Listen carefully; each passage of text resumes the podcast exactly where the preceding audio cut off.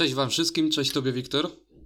Cześć Damianie, witamy wszystkich naszych słuchaczy i witamy dzisiaj naszego gościa, którym tym razem jest y, Damian Bręk, będący częścią teamu Artema Łaguty. Witaj Damian z nami. Witam serdecznie, siema, hej.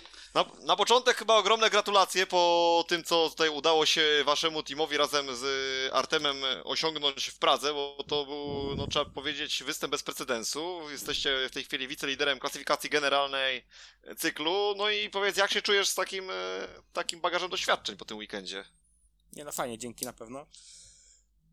Co tu się czuć, no turniej jak turniej, zawody jak zawody, wygraliśmy fajnie i jedziemy dalej, nie?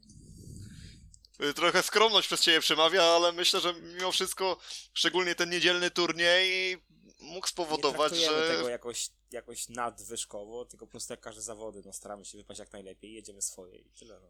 No jasne, ale w sumie mówisz turniej jak turniej. Ja bym powiedział, że ten turniej właśnie taki nie do końca był, jak, jak każdy turniej Grand Prix. Już nawet nie mówię o gdzieś tam nastawieniu mentalnym, ale o tym, co się działo na torze, bo e, no w piątek w sumie s, sam wynik e, tutaj Artioma pokazywał, że cały czas szukaliście, tutaj raz wracaliście, to też Bartek z Marzlik o tym opowiadał, że co się coś znajdzie, to trzeba od, całkowicie od, do góry nogami odwracać i, i to było widać po, po tych punktach, był tutaj 3-1, 3-0, 3-1, e, więc, więc chyba nie, ten piątek był taki trudny, co? się tam sprzętowe, tylko tutaj dużą rolę grały pola startowe Mhm. i sytuacja rozegrania pierwszego łuku przede wszystkim, po wyjściu Mhm. z taśmy, więc my ogólnie dużo nie zmienialiśmy w trakcie zawodów. Czuliśmy, że jest, czu, Artem czuł, że jest szybki i tak dalej i nie było potrzeby zmienia tam przełożeń. Widzieliśmy Jasne. po prostu jakieś pole i tak dalej, jest lepsze, gorsze. No i stąd wynikało właśnie to, że no, to, to jest Grand Prix, no i nie, nie wyprzedzisz tak zawodnika od byle czego po trasie, już nie wychodząc pod taśmę dobrze, więc Mhm. A powiedz mi, ty teraz y, z tym, co mówisz, że tak nie za bardzo zmienialiście, y, to mówisz o, o zawodach y, piątkowych, czy Mówię niedzielnych, czy o jednych, mu- drugich? Mówię o, o, o piątku, o sobocie, o niedzieli. Nawet o tej sobocie już nie wspomnę, bo z, tych z, z tego Grand Prix to jedyne co, to, to zmęczenie przemawia. To była masakra, co była w sobotę. No właśnie, o to się też chciałem pytać e, przy okazji, bo, bo Ten faktycznie... turniej w ogóle się nie powinien odbyć, no bo nie możemy zaczynać zawodów w trakcie, kiedy już pada deszcz. A Mhm. prognozy przewidują jeszcze gorsze opady, więc według mnie to było bezsensowne, że zaczęliśmy w ogóle w sobotę te zawody na siłę. Nie? No tu był plan jeden, żeby jak najszybciej te 16 regulaminowych, też taka ciekawostka regulaminowa, nowość, e, 16, no, zawsze tak, było 12. Nie? Tak, tak, teraz już 16, czyli jakby było 12 12. też by w tym momencie nie było, bo przed 12 spadł taki deszcz, że no masakra. Nie? To jest jedna sprawa, a druga, druga rzecz, że patrzcie, że troszeczkę też zmieniła się, zmienił się system punktacji, więc y, wydaje mi się, Ale że nierozegranie... już Był, ten system już był, no, jest obeznany i tak dalej. No. Tak, tak, ale wiesz co, dążę do czegoś innego. W niektórych przypadkach to jest sprawiedliwe, a w niektórych nie, tak? Znaczy sprawiedliwe. W ogóle to jest niesprawiedliwe i niektórzy, niektórzy na tym zyska, zyskują, a niektórzy tracą. No, to jest, Mm. Według mnie powinien być system taki, ile zdobywasz punktów, tyle powinieneś mieć. No tu się Znaczy, zgodzę tak akurat. było w ostatnich latach, prawda? Tylko wiesz co, ja teraz dążę do, czego, do czegoś innego. W sytuacji, kiedy odwołujesz zawody w trakcie, bo po prostu, no nie wiem, nie wiem są jakieś y, nieciekawe warunki No, ale atmosferyczne. uwierz mi, że tego już nie szło jechać, chyba żebyś mi dał kajak, byśmy popłynęli tam. Jasne, ja nie mówię już nawet o tej, o, y, ty- typowo o tej sprawie. Ja mówię, że gdyby się taka sytuacja zdarzyła, że wiesz, po 16 biegu by się to wydarzyło, to zobacz, że to byłoby i tak trochę nie fair, bo można było, mogło być tylko dwa punkty różnicy między jednym zawodnikiem a drugim, y, a mogło być pięć, wiesz, pięć miejsc w tabeli Tak. różnicy, co w klasyfikacji turnieju daje Zwłaszcza, później na koniec bardzo duże różnice, zwłaszcza, duże że różnice wiesz, punktów. warunki torowe nie były sprawiedliwe, nie? Bo to na pewno już w takiej części zawodów, jak miałby już tak, jak wtedy spadł, spadł deszcz, to był sam krawężnik. Ci zawodnicy jadący z zewnętrznych pól, oni by nie mieli szans. No właśnie, i to jest właśnie tak, i, i to jest właśnie przykład, że zobacz, Widać, nie? To samo było, to by było na nich. I właśnie wyobraź sobie, że e, ze- przerywają ci zawody po czwartej serii, kiedy masz tam strzelę, nie wiem, 8 punktów, a w piątej serii miałeś pierwsze pole. I zajmujesz, nie wiem, piąte czy szóste miejsce w zawodach, a masz, masz tyle i tyle punktów. No a w piątej serii miałeś powiedzmy prawie, że powiedzmy autostradę do trzech punktów, nie? Więc to było takie trochę, trochę słabe przy, Odwołanie przy obecnej punktacji. Stało, no. No, Niedziela, ale ok. 13 godzina, słonecznie, fajne zawody. No tak, też ciekawie się oglądało ten, ten bieg finałowy przy pełnym słońcu. Wiadomo, że to jest coś, czego, czego na co dzień e, nie widać. Zawsze mimo wszystko Grand Prix się kojarzy z tą, e, z tą Tak, taką otoczką. 19, ciemność, Tak. przy reflektorach i tak dalej, sztuczne światło. Tak, i to też w sumie dla was. Też, dla... też było inaczej, nie? Też tak czuliśmy trochę tak, takie... Nie było takiego takiego ciśnienia w tym parkingu i tak dalej. 19 wybija, jedziemy za mm była 13. No dobra, no coś się dzieje, jedziemy. No, no i fajnie, szybko skończyliśmy. Zawody I szybciej do domu. Dokładnie. Zawody poszły przede wszystkim dla każdego zawodnika zdrowo, bez kontuzji, bez wypadków. Znaczy tam jakieś tam były, ale nie jakieś tam groźne. No tam Anders Thompson z, Tak. chyba, chyba z połamanym palcem skończył. do domu po zawodach, zahaczono, liczono. Jedziemy Mhm. dalej. Jasne. A też, też odnośnie tego toru, bo e, tutaj w, w, fajną rzecz, ciekawą mówisz właśnie, że nie zawsze trzeba dużo zmieniać, jeżeli tym bardziej się czuje m, zawodnik szybki, bo właśnie i w studiu, cały dzień, ty, nie wiem czy oglądałeś powtórki e, Nie, całego uwierz studia. Mi, że ja kiedy wracam z zawodów oglądam tylko te 40 minut same biegi i koniec. Aha. Zero komentarzy, niczego. Też, żeby może trochę głowa odpoczęła, bo w, w studio wszędzie tak jakby właśnie e, podkreślano to, że ten tor się co serię zmienia, że on jakby co serię jest zupełnie... Tor, tor, tor w Pradze jest mega specyficzny. Nie dość, że są kamyszki, to kiedy ten tor przyjmie wodę, on się wydaje mega twardy, mega przyczepny. Gdzieś Mhm. tam pod spodem coś się skrobie i ten, ale to, to jest mega specyficzny tor. Gdzieś tam naprawdę, żeby czuć Friday i tak dalej, trzeba mega, mega dobrych ustawień. Nie? Ale zauważyłem taką zależność, że chociażby te piątkowe zawody, no i plus oczywiście chociażby sam finał niedzielny, pokazały troszeczkę inne oblicze tego toru, że jednak jak się odpowiednio gdzieś tam e, ten tor yy, zmoczy, odpowiednio się go tam przy- przygotuje, no to jednak i na, również i na takiej geometrii można ciekawe zawody stworzyć. Tak, jak go pogoda przygotuje. A właśnie- faktycznie, faktycznie coś takiego było, nawet były takie komentarze w studio, że ci Czesi dalej się nic nie nauczyli, ale faktycznie chyba ta pogoda troszeczkę pomagła, pomogła sama z siebie. Nie no fajnie, kiedy ogólnie często jest tak, że teraz właśnie w tych czasach, kiedy w ogóle są ci komisarze i tak dalej, kiedy ten deszcz spadnie, spodziewanie tego deszczu trochę więcej spadnie, to na tor twardy, kiedy ta, ta woda wsiąknie i ten, no to jest lepiej niż by nie padało. Nie? A powiedz mi, jak wy widzieliście, bo e, sporo zawodników i też komentarzy em, innych gości w studio było odnośnie tej, tego lania wody. e, Bardzo negatywnych w pewnym sensie, to można wiadomo, powiedzieć. Że zawsze lubią wodę lać. To No i właśnie, piękne, jakie były wasze odczucia? wody. Przyzwyczajenie. Po prostu, no leje to leje. Nic się nie zmieniło. Czy- Czyli wiesz, różnica między sobotą a, sobotą a piątkiem nie była aż taka duża. Minimalna. Może ten deszcz spowodował, że był delikatnie bardziej przyczepny ten tor. Jest słabe pochylenie po, d, toru, prawda? W Pradze, z tego co kojarzę. Eee, no nie jest takie jak u nas na przykład na Motoarenie, czy w Bydgoszczy już teraz, gdzie naprawdę jest mega pochyło. Mhm. Ale no, też płasko nie jest, nie jest jak Teliatti. No tam to jest wręcz w negatywie, w pewnym, No na tak, 3 bo tam jest czwartej. Nie? Mhm. Tak musi być. No, a tak się, tak jeszcze, bo, e, te- tak chciałem się jeszcze tutaj podpytać, bo przykładowo był też taki moment w piątkowych zawodach, kiedy no mieliście razem z Artemem 7 punktów po czterech biegach i jak się później okazało, tylko trójka dawała wam, dobrze mówię, tak, tylko trójka dawała wam taki, taki pewny awans do tych, do tych No nie, półfinałów. tam potem się okazało, że nie trójka, nie?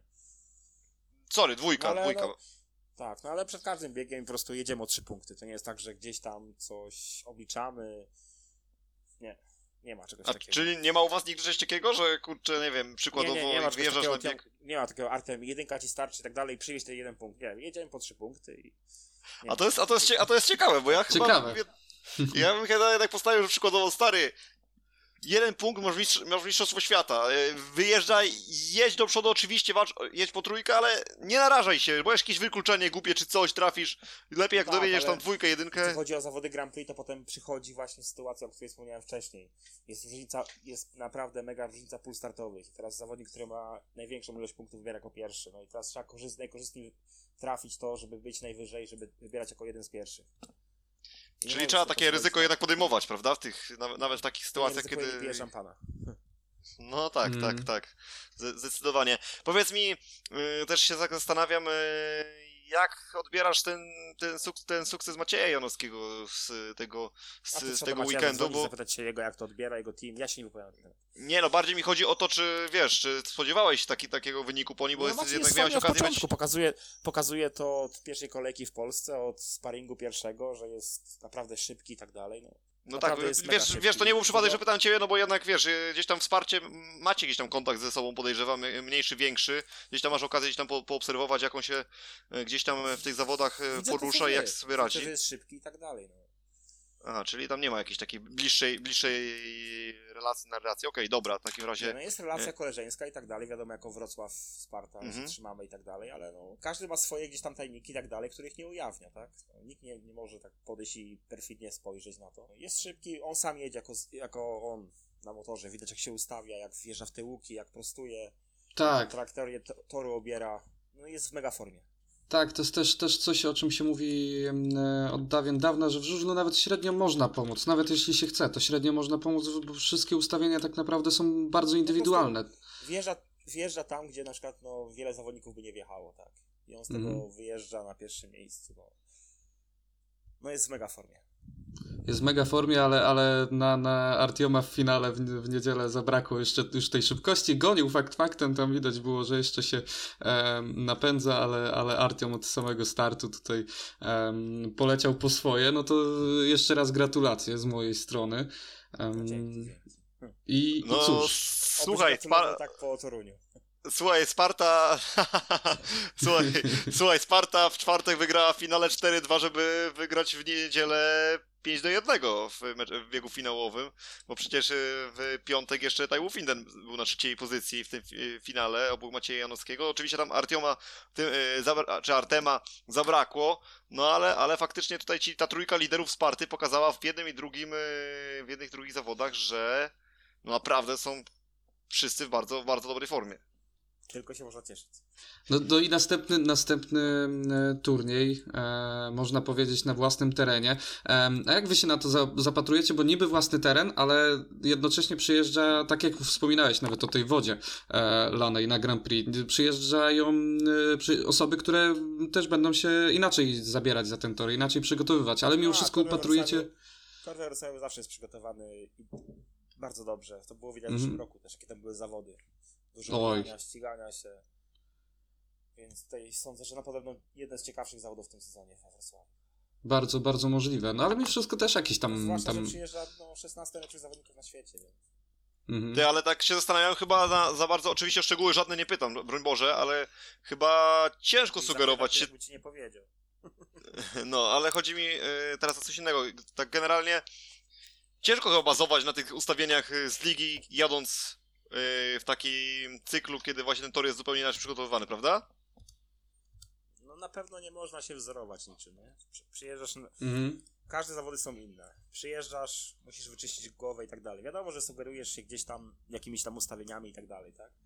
No ale nie możesz w ciemno tego założyć. Musisz troszeczkę inaczej. No, zobaczymy, czy nas tam spotkał. No nie wiadomo, nie? A powiedz mi, trudno Teraz... się było przez przestawić na ten tor we Wrocławiu, który jest szeroki i kompletnie inny niż ten w Grudziądzu, na którym przecież pracowaliście ostatnich nie parę ładnych lat? ale Artemowi od 4 czy 5 sezonów każdy tor w Polsce pasuje, więc bez różnicy. No w sumie, w sumie jest to, jest, jest to cenna, cenna uwaga. E, no tak bardziej wiesz, tutaj pytałem właśnie pod, pod kątem takiego dostrajania, dostrajania sprzętu właśnie, jeśli chodzi o, o ten tor, no bo jednak... który widzieliśmy pierwszy raz na oczy, no. Mhm od kilku lat się na nim ścigaliśmy i tak dalej, więc wiedzieliśmy, gdzie idziemy i co nas tam będzie spotkało. Chcieliśmy tam pójść, znaczy Artem chciał, potem nam oświadczył, że idziemy, no, zmieniamy barwy. No i co, no jest dobrze, nie? Widać w tabeli, widać w statystykach. Jest jeszcze jeden temat, który chciałem tutaj tak e, z tobą, e, Damian, poruszyć. E, mówię tutaj do Damiana Bręka. Ja już czekałem. Bo no, jesteś mechanikiem zawodnika, który jest troszeczkę poturbowany przez różnego rodzaju problemy Federacji Rosyjskiej i ogółem e, Rosjan, który chociażby, no już pomijam flagę, ale jak się w ogóle Artem tak naprawdę jest, jak, tak to, jak w ogóle on to przyjął, że zamiast hymnu słyszał no, melo, melodyjkę, tak to nazwijmy. Coś, coś, coś, wspominał coś o tym? Nie było tematu. W ogóle nie było tematu. Czyli Nie w ogóle jakby, spu- było. czyli spłynęło to po nim bardziej, po prostu się cieszył ze swojego sukcesu i, i jakby to wszystko pominął. No, wydaje mi się, że gdzieś tam pewnie przygotował się na ten hymn, nie? Na zakończenie. No, ale kiedy usłyszał koncert, yy, to sobie przypomniał, że no, w tym roku nie usłyszy hymnu. No tak, no i, i- tak naprawdę mm, troszkę gdzieś tam poza mm, sportowe No, też aspekty. smu- fa- trochę taka sytuacja dziwna, nie? Bo on niczego winien, chłopak, tak? No tak, w tak, ogóle tak. sporty motorowe niczego winne. W tej sytuacji tam się wydarzyła. No tam głównie olimpijskie. No Grisza, Grisza tam miał parę, parę trzy grosze dorzucił w pewnym momencie. Zadzwońcie do Grisza i go zapytajcie.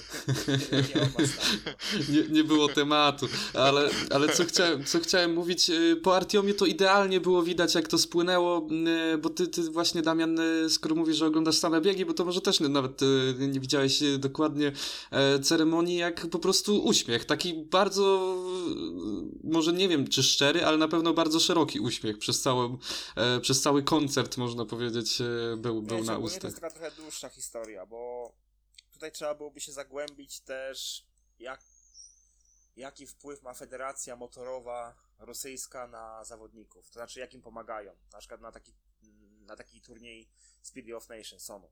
Tutaj pomocy chłopacy żadnej nie mają, tak? Mhm. Oni jadą za własne pieniądze, wszystko sami y, opłacają, hotele, przejazdy, dosłownie wszystko, tak? E, Tak, tak, ten temat się pojawiał już wcześniej, że tak, że tak naprawdę... może też, no,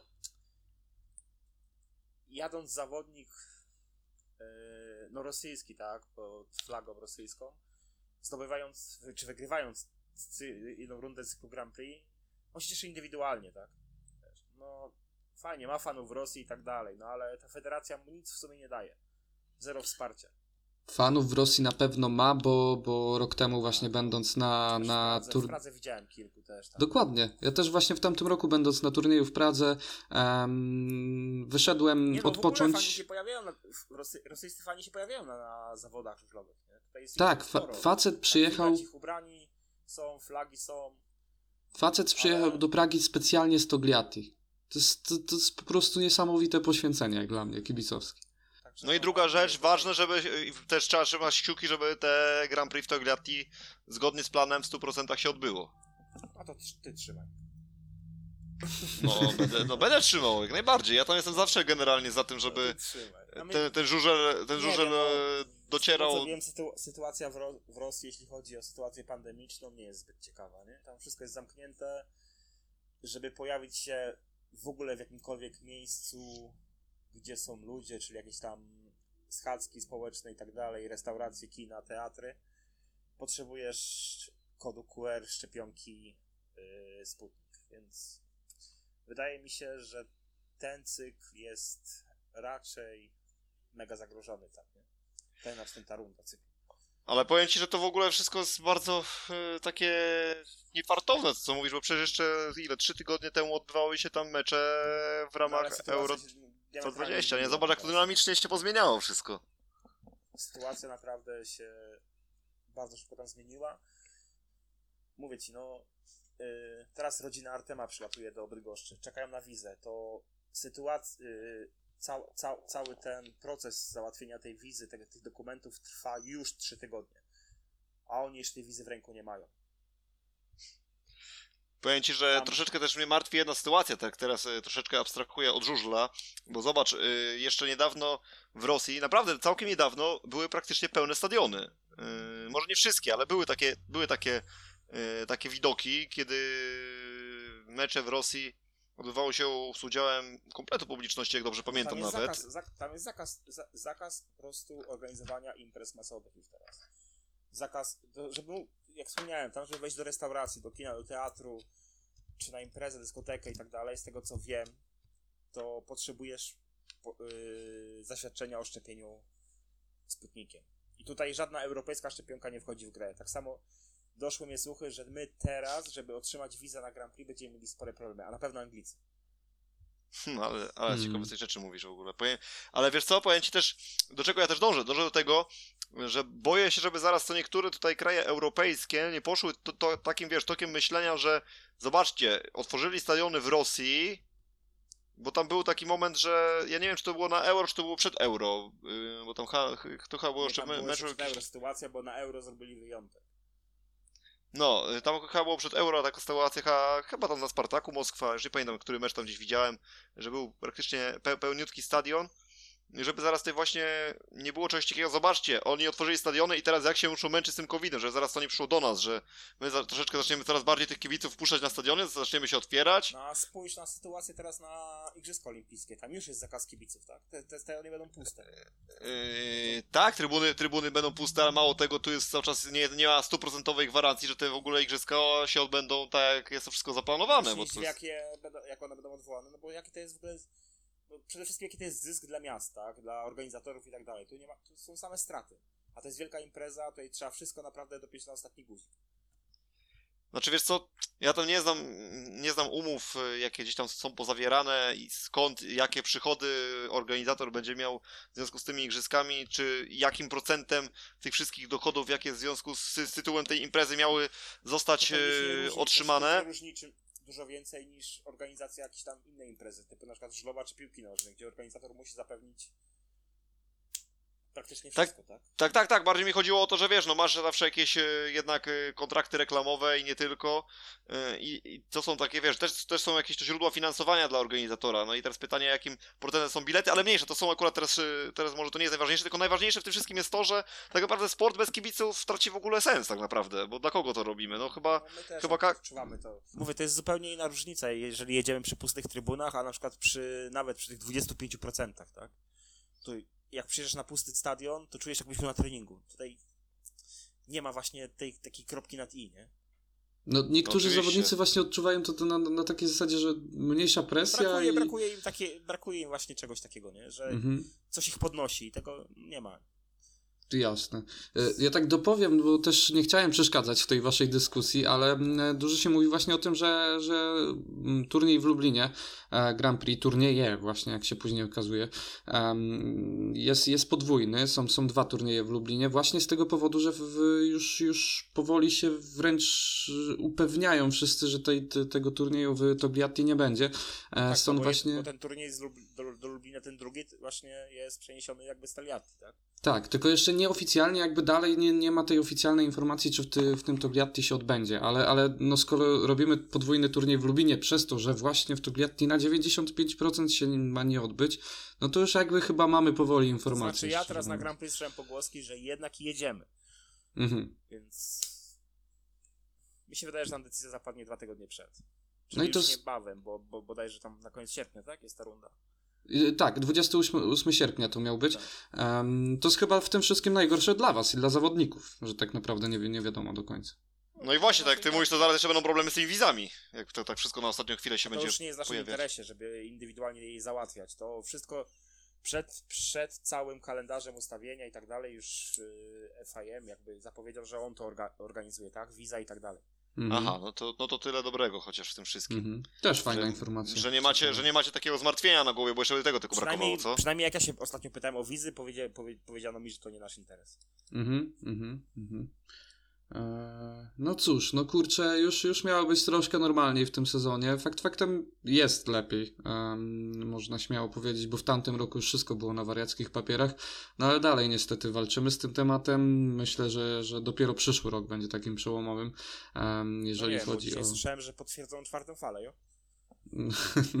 No, czwartą, piątą, szóstą i, i, i kto wie, którą jeszcze, ale ja mam nadzieję, że w końcu te bilety na Grand Prix w Warszawie odbiorę po tych dwóch latach po prostu. Ehm, więc, więc Tak, brakuje tego turnieju tam, nie? mm, nie wiem, czy to ironia, czy, czy... Nie no, nie no, klimatyczny był mi się wydaje ten turniej w Warszawie. No bardzo, No naprawdę to jest stadion, gdzie chyba najbardziej czuć tą, te całe emocje. Mhm, mhm. No się mówi o Cardiff i o wychodzisz na- Narodowym właśnie. Jak wychodzisz na tor, to jesteś tylko takim malutkim człowieczkiem, nie? Mhm, mhm. Dookoła 60 tysięcy gardeł. Tak. Mhm. To, to, to, jest, to jest to, ale też jest to, co ty mówisz, y, Damian, że właśnie Cardiff jest drugim takim miejscem, chociaż mam wrażenie, że chyba jednak e, frekwencja na narodowym jest chyba troszeczkę, troszeczkę wyższa jednak niż na y, Millennium Stadium. Mm, oba, oba turnieje są fantastyczne tam, znaczy, jeśli chodzi pod względem yy, przeżyć, nie? No, Mhm, atmosfery mhm. tego wszystkiego, prawda? Tak. Ale f- fajnie, fajnie, Damian, z tego co mówisz, to, to jednak to nie jest tylko praca, to nie jest y, tylko odbębnienie s, y, swojej, swojej roboty, ale, ale widać, że to działa na was i to faktycznie na tym wam zależy To też. znaczy, jeśli chcesz pracować w żużlu, to musi być to twoja pasja, bo inaczej Mhm. nie dasz rady uciągnąć tego. Mhm, mhm. To ja tak off-topowo troszkę, bo może, może e, nie, nie było tego w planach, ale u ciebie jak się zaczęła ta przygoda z żużlem w ogóle? Ty, ty, ty interesowałeś się... Tak, od dzieciaka, nie? Bo ogólnie Mhm. mój wujek, mój ojciec chrzestny jest mechanikiem wieloletnim, 25 teraz bodajże letnim. Eee, zaczynał pracę u Golobów, Tomka i Jacka. Mhm, Potem poszedł do Piotra Protasiewicza. Zaliczył potem pracę u Krystiana Klechy. Eee, I zaczął się Morten Rizager. I ja kończyłem szkołę średnią, a chłopak, który z nim pracował, no już tam zrezygnował z tego. I poprosił mnie o pomoc po prostu w czasie wakacyjnym po zakończeniu mojej szkoły. No, Mhm. Tak się stało, że zostałem. Nie? Czyli u Mortena zacząłeś, tak? Morten Rizager, tak. Po prostu miał Jejku. tak, miałem na, na dwa miesiące, no, a opuściłem jeden zjazd, drugi na studiach, na zaoczne się zapisałem, gdzie poszedłem na trzeci zjazd, byłem pod kreską, no i stwierdziłem, że dobra, się nie będę tutaj wysilał. Jasne. E, Poszedłeś głosem serca, można powiedzieć. A od- odnośnie Mortena Risagera, ja tak czytałem zawsze, ale z tego co Tak. mówisz, to chyba Risager. E, W takim razie mam mega sentyment, nie wiem, czy będziecie kojarzyć temat, czy nasi słuchacze będą kojarzyć temat, ale e, u braci Mańskich 3-2 e, w menadżerze żużlowym braci Mańskich, jeżeli grało się w tą pełnoprawną wersję, nie, nie zmodowaną, Nie tylko w 2005 rok, pierwsze co się robiło w okienku transferowym, kontraktowało się Mortena, Risagera czy Risagera, jak ja czytałem to wtedy, bo facet po prostu po dwóch, trzech latach robił niesamowite wyniki, więc stąd ja kojarzę głównie tego No, zawodnika. Był mega talent, naprawdę. No właśnie, no, no faktycznie Tak, był był talentem, dalej. prawda? Tak. Ale potem gdzieś, gdzieś się pogubiło u niego, też trochę się sam zaniedbał.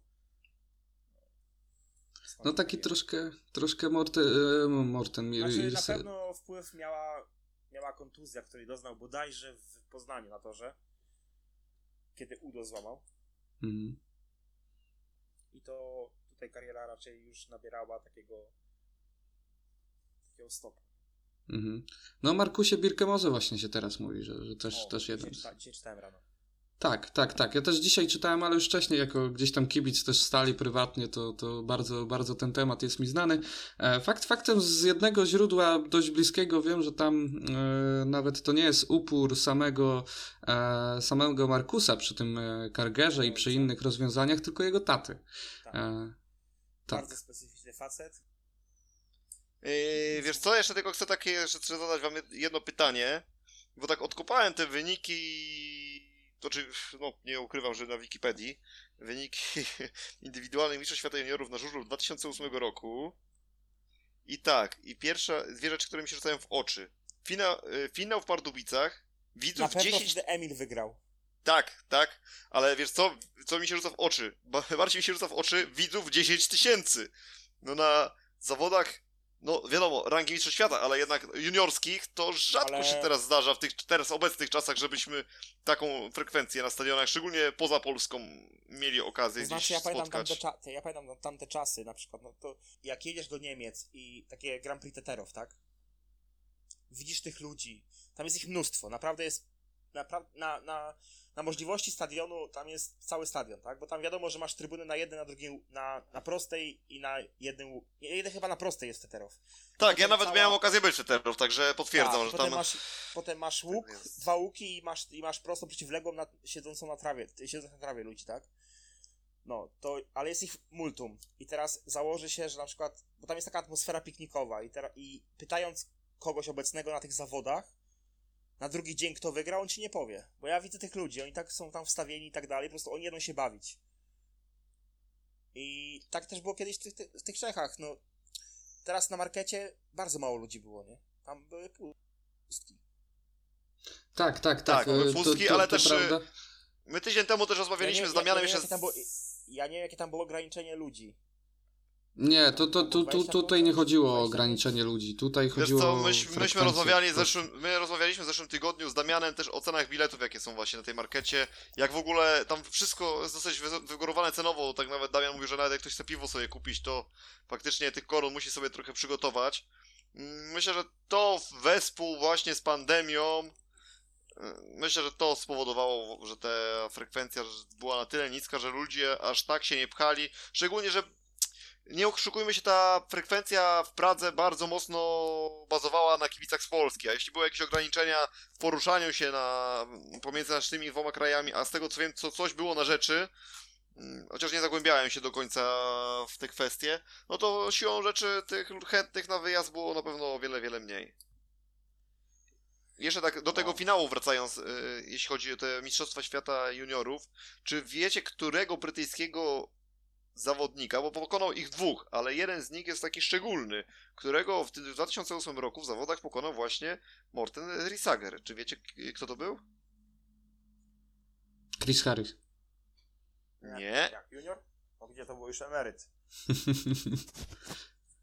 Eee, Angiel... Tajwufinden. Tak jest, Taj, pokonał Taja Ufindena. Taja Ufinden zajął wtedy w tych zawodach 15 miejsce, podczas gdy Morten Wiesz zajął to? tam miejsce 12. Także taka ciekawostka. A i p- później siedzisz sobie na kanapie, wiesz, w, masz wnuków dookoła siebie, w kominku się pali, mówisz pokonałem mistrza świata. I to, I to niejednokrotnego. Niejednokrotnego. E, dokładnie. Ale jeszcze odnośnie tej atmosfery w Czechach, e, rozmawiałem ostatnio z e, też kumplem takim jednym swoim, który wspominał, że jeżeli masz, e, masz jakąkolwiek możliwość pojechania na tą z, z latą Prilbę, e, zrób to, bo to jest coś niespotykanego u nas w Polsce. To właśnie tak jak Damian wspominał, to nie jest tak, że, że, że pojawiasz się tylko i wyłącznie po to, żeby obejrzeć jakieś spotkanie. Nie, to jest, to jest po prostu trzydniowy wyjazd, yy, spotykasz nowych ludzi, siedzisz, e, cały czas oglądasz żużel, cały czas słyszysz silniki gdzieś obok, ale to są trzy dni niemalże od rana do wieczoru i że to jest zupełnie nowe przeżycie dla e, większości kibiców w Polsce i bardzo, bardzo mi polecał właśnie się, e, się wybrać na takie zawody. Bo ta zlata Prilba w tym roku chyba jakoś po, po początku października się będzie odbywać, jak się nie mylę, prawda? Tak, pod koniec jakoś sezonu żużlowego. A to z tak, tego. też to są mega specyficzne zawody, ale na przykład dla nas to jest takie mega irytujące. Nie? To jest po prostu, na, tam, on, nie wiem, teraz też jest taka formuła, że to trwa dwa dni? No dwa albo trzy chyba. Nie, pierwszego No, dnia są jedziesz- chyba jakieś jedziesz- juniorskie. No tak, znaczy nie, no to jest, to są, to nie, to są dwie zupełnie inne imprezy. Znaczy nie, Mhm. chodzi o samą złotą prilbę, Tak, nie o złotą stuchę. tak, Bo złota tak, stucha to jest dla juniorów, tak, prilba tak. jest dla seniorów, tak? Dokładnie Ale 3 października, tak jak raczej- mówiłeś, Wiktor. No nie, W tym nie, roku. Nie, my, my, my raczej w tym roku na to nie pojedziemy, a sezon będziemy kończyć Grand Prix w Toruniu. A ty, Damianie, ty się będziesz wybierał na zlatą Prilbę? Może skoczymy, co? Jeśli pandemia nam nie przeszkodzi. No słuchaj, no, ja po tych, po, po tych poleceniach właśnie tego mojego kumpla bardzo chętnie bym skoczył, bo, bo jeżeli to jest, on, on mówi, że to, to jest zupełnie inny klimat, że tego się nie da w ogóle podrobić, że masz cały czas jakby siedzisz, ten żużel jest obok ciebie, ale nie skupiasz się nawet na nim tak zbytnio, bo poznajesz nowe osoby, ale cały czas co się odwrócisz, to ktoś jedzie z tyłu. Rozumiesz, zupełnie jakby inny, inny świat i, i z wielką chęcią bym się wybrał, nie powiem, że nie. No to jeśli pandemia nie przeszkodzi, to myślę, że jest to do zrealizowania. Damianie, Damianie, bardzo Ci dziękujemy generalnie za to, że dzisiaj zgodziłeś się tutaj do nas przyjść, szczególnie, że zaproszenie stałeś dosyć spontanicznie, dosyć, bym powiedział bardzo późno, ale, ale bardzo doceniamy, że tu do nas e, wpadłeś, po, podzieliłeś się z nami tymi informacjami, też przy okazji poopowiadałeś mm, tutaj troszeczkę też o, i o tych swoich początkach. Ty troszeczkę porozmawialiśmy też o Rosji, o tym ym, być może być może w małej, szansie na, na to, że jednak to Grand Prix Togliatti się odbędzie, ale jak z tego co mówisz zapewne, zapewne nie. Yy, No i co? I jeszcze raz przypominamy podsumowanie, czyli żużel musi być pasją, żeby się nim zajmować. Yy, Damianie, czy ty jeszcze chciałbyś coś dodać? Nie, z mojej strony to wszystko. Ja tylko dodam, że, że Damian jest chyba już naszym trzecim lub czwartym gościem, który faktycznie to podkreśla, że, że przy żużlu musi być cały czas pasja i e, to jest fascynujące, że, że tak naprawdę to jest tak często powtarzane. To jest zupełnie niewymuszone, po prostu jakby to musi być pasja, jeżeli chcesz to robić przez całe swoje życie i, i, i fajnie jest na pewno znaleźć coś takiego w swoim życiu, bo e, w pewnym sensie, jeżeli to jest pasja, to nie przepracujesz ani jednego dnia. I to jest, to jest świetne, tak, dlatego jeszcze raz dziękujemy wy, wy, wyników, bo wyniki były naprawdę niczego sobie. Myślę, że e, gdzieś tam może skromnie mówicie, że turniej jak turniej, ale na pewno gdzieś tam jakaś radość była e, po tym turnieju i cóż, i pozostaje życzyć powodzenia po prostu w przyszłości. Mam nadzieję, że będziemy tak samo się cieszyć po Toruniu, po ostatniej rundzie i niech nam wszystko da, żebyśmy jak, najda, naj, naj, jak najwyżej no, osiągnęli ten wynik. Jasne. I tego Wam tak, życzymy. I... Dokładnie. Tego no, życzymy. Jeszcze raz, jeszcze raz dziękujemy i co? No i do usłyszenia niebawem. Ja też dziękuję i chciałem właśnie podziękować Wojkowi za to, że jestem gdzie jestem, że mnie w to wciągnął. Również dziękujemy wujkowi, no bo nie, nie wiadomo gdzie teraz byłby przykładowo Artem Laguta, gdybyś, gdy, gdyby cię on w to wszystko nie wciągnął. Bez przesady. Tak. Dzięki. Dzięki wielkie, cześć. Cześć. Marka, hej. No, dziękujemy naszemu e, dzisiejszemu gościowi. Obiecaliśmy, pamiętasz? E, nie, wiem, co, czy obiecaliśmy, ale na pewno twierdziliśmy, że, że postaramy się kogoś znaleźć, więc wywiązujemy się e, z, z, naszych, z naszych słów. Co prawda, co prawda rzutem na taśmę się Oj, wywiązaliśmy tak. z tej naszej może nie obietnicy, ale jak to się mówi, może bardziej obiecanki, cacanki, może w ten sposób. No, na szczęście no, ale, ale myśl... mamy. mamy i myślę, że Damian kilka ciekawych rzeczy powiedział, choć na początku troszeczkę y, był bardzo powściągliwy w swoich, y, swoich wypowiedziach, ale później myślę, że kilka, kilkoma naprawdę fajnymi, fajnymi tematami tutaj nas obdarował i no i dziękujemy tak. mu za to, że się tu pojawił. A my jeszcze tak troszeczkę porozmawiajmy o tym Grand Prix troszeczkę szerszym kontekście, nie tylko o kontekście właśnie tutaj mm, Artema, Sparty, Rosji i tak dalej, tylko porozmawiajmy też sobie troszeczkę może o tym yy, Grand Prix też yy, przez pryzmat pozostałych zawodników. Tak, bo... całościowym. Yy, jak najbardziej, zgadzam bo się. Bo ja myślę, mnie troszeczkę in plus, co prawda, też ostatnio mówili, mówiłeś sam, gdzieś tam, jak spróbowałem cię Y, podpuścić, żebyś strzelał, jak no sobie no radzili poszczególni zawodnicy w Pradze, to tam gdzieś też y, można było wyczuć swoich słów, że tak ten Emil ci pasował do tej, do tej Pragi. No i zobacz, i ten Emil, który w tym sezonie nie jest najwyższej dyspozycji, naprawdę dwa razy bardzo dobre zawody, raz drugie miejsce, raz no co prawda czwarty, ale znowu dojechał do finału. No i przede wszystkim najbardziej to mnie ze wszystkich zaskoczył ten Fredrik Lindgren. No Fredrik Lindgren, ja ci powiem, że tutaj na miejscu kibiców y, Włókniarza bym, bym um, się zastanawiał, czy to nie jest jakieś déjà vu, czy, czy tego już wcześniej nie było, że Fredka Lindgren w Grand Prix, a Fredka Lindgren e, w lidze to są dwaj zupełnie różni zawodnicy i jest to troszkę no, niepokojące jak dla mnie, e, na pewno dla kibiców Włókniarza, bo, bo znowu w Grand Prix się okazuje, że jest zupełnie innym zawodnikiem i zaraz będzie walczył o tytuł mistrza świata, jak tak dalej pójdzie. A czy to nie jest troszeczkę pokłosie tego, o czym dzisiaj też e, Damian mówił i to lanie toru na rundach cyklu Grand Prix?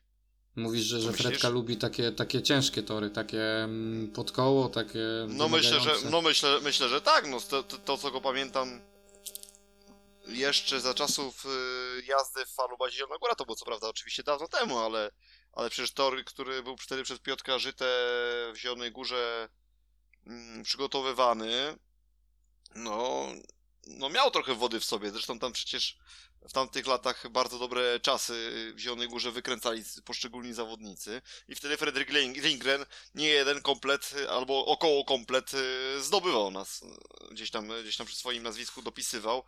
I co więcej, też pragnę przypomnieć, że Freddy wtedy nie był aż takim Fest Freddym i takim wielkim y, zawodnikiem, to tak naprawdę tą wielką formę do, dopiero, dopiero kilka lat temu tak naprawdę światu zaprezentował. Mhm. E, w ogóle taka szwedzka szkoła trochę żużla, można powiedzieć w pewnym sensie, nie? Ten, ten takie e, tory pod koło, wręcz, wręcz bardzo przyczepne, wręcz maziste, bym po nawet użył słowa.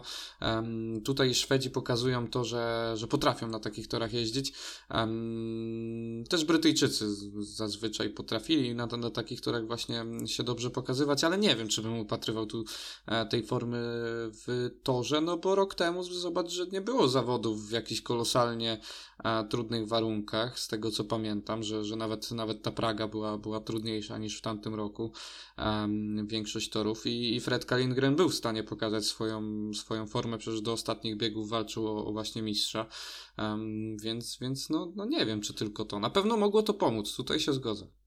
Ale też zwróć uwagę, co Damian powiedział yy, przed chwileczką. Mówił też o tym, że jakby u nich jest takie przyzwyczajenie już do tego, że te tory są takie, a nie inne w Grand Prix, więc chyba, więc chyba jest to raczej taką normą. Może nie to, że są nie wiadomo jak ciężkie, ale że jednak tej, to, tej wody tam troszeczkę się leje. Tak, tak, tak, tak, że, że yy, nie wiem, czy zacytuję teraz dosłownie, ale że dużo wody no, odpowiedział, no jak zawsze w Grand Prix, czyli, czyli faktycznie nie są tym zaskoczeni um, jakkolwiek, no ale chyba na taką ilość, jak była w sobotę już naturalnej wody z nie, prosto z nieba, to już, to już chyba nikt nie był przygotowany. Um, w ogóle ten tor, tak, skoro, skoro mówimy tutaj o, o, ty, o tym wszystkim, um, ten tor dla mnie był w pewnym sensie taką postacią, no można powiedzieć, e, jedną z, z pierwszoplanowych przez cały weekend, przez wszystkie trzy dni tak naprawdę. Wiadomo, w, w, w, sobotę e, było to głównie spowodowane gdzieś tam warunkami atmosferycznymi, ale w piątek, no tutaj może troszkę faktycznie, tak jak Damian wspominał, że, że ten tor aż tak się nie różnił, ale moim zdaniem się różnił też dość mocno, bo to było widać nawet po obieranych ścieżkach przez zawodników. E, może sposób przygotowania się aż tak nie musiał różnić, ale te ścieżki były troszkę inne. Z kolei w niedzielę też zupełnie inny, inny inna forma tego toru. No to był te, taki na, naprawdę ciekawe. Ciekawe to było z perspektywy kibica, że codziennie inne warunki. A kto cię tak najbardziej tutaj w ogóle w tym, przez ten weekend w Czechach najbardziej in minus zaskoczył? Czy był to Leon Madsen? Mm, in minus, kto mnie zaskoczył najbardziej, powiem Ci, że po pierwszym dniu, może troszkę skrzywiony tym e, swoim, wiesz, podejściem na zasadzie Stal Gorzów, e, byłem, byłem in minus e, zaskoczony na pewno Andersem Thompsonem, bo, bo... Mm, no ale w drugi dzień już troszeczkę lepiej, tak. prawda? się zaprezentował przed do półfinału, więc jakby tak, e, dlatego no, mówię. Dwie, dwie, dwie trójeczki też, też tam na swoim koncie zapisał, więc, więc ten drugi dzień troszeczkę przysłonił ten pierwszy, a mi chodzi, że na przykład taki Leon Macen, którego ja i zresztą ty też upatrywałeś do top 4. Tak. W pierwszy dzień, no wszedł do półfinału, w którym nic nie pokazał, a w drugi dzień tylko 7 punktów. Co prawda tam taśma po drodze, ale, ale mimo wszystko wydaje mi się, że od takiego zawodnika, e, no jak Leon, który przecież potrafił z Bartkiem Zmarzlikiem mm, bardzo zaciekle walczyć o tytuł Mistrza Świata, to troszeczkę chyba słabo, co? Oczywiście, że słabo, pewnie, że słabo i w ogóle, mm, wiesz, mamy troszkę taką, taką, takie odbicie lustrzane, taki negatyw tego, co prezentuje Fred Kalindgren, bo Leon Madsen, kurczę, najczęściej ciągnie za, za szyję, za, za uszy razem z Kubą Miśkowiakiem zespół z Częstochowy, przyjeżdża do Pragi na, na Grand Prix, jest co najmniej kiepsko, tak jak mówisz, jest jednym z, z no, takich naj, największych e, zaskoczeń, jeżeli chodzi o, o negatywną stronę, a, a Fred Kalindgren w, w lidze jakby jest głównym, główną przyczyną słabej pozycji włókniarza w tym momencie, a, a przyjeżdża na Grand Prix i robi e, świetne wyniki, więc no, no faktycznie jest to, jest to e, dość zabawne. No a co powiesz o Krzysiu Kasprzaku, który, który gdzieś tam e, widać było drugiego dnia, mi się podobał. On się starał drugiego dnia, tak autentycznie, ale pierwszego dnia no już było troszkę gorzej.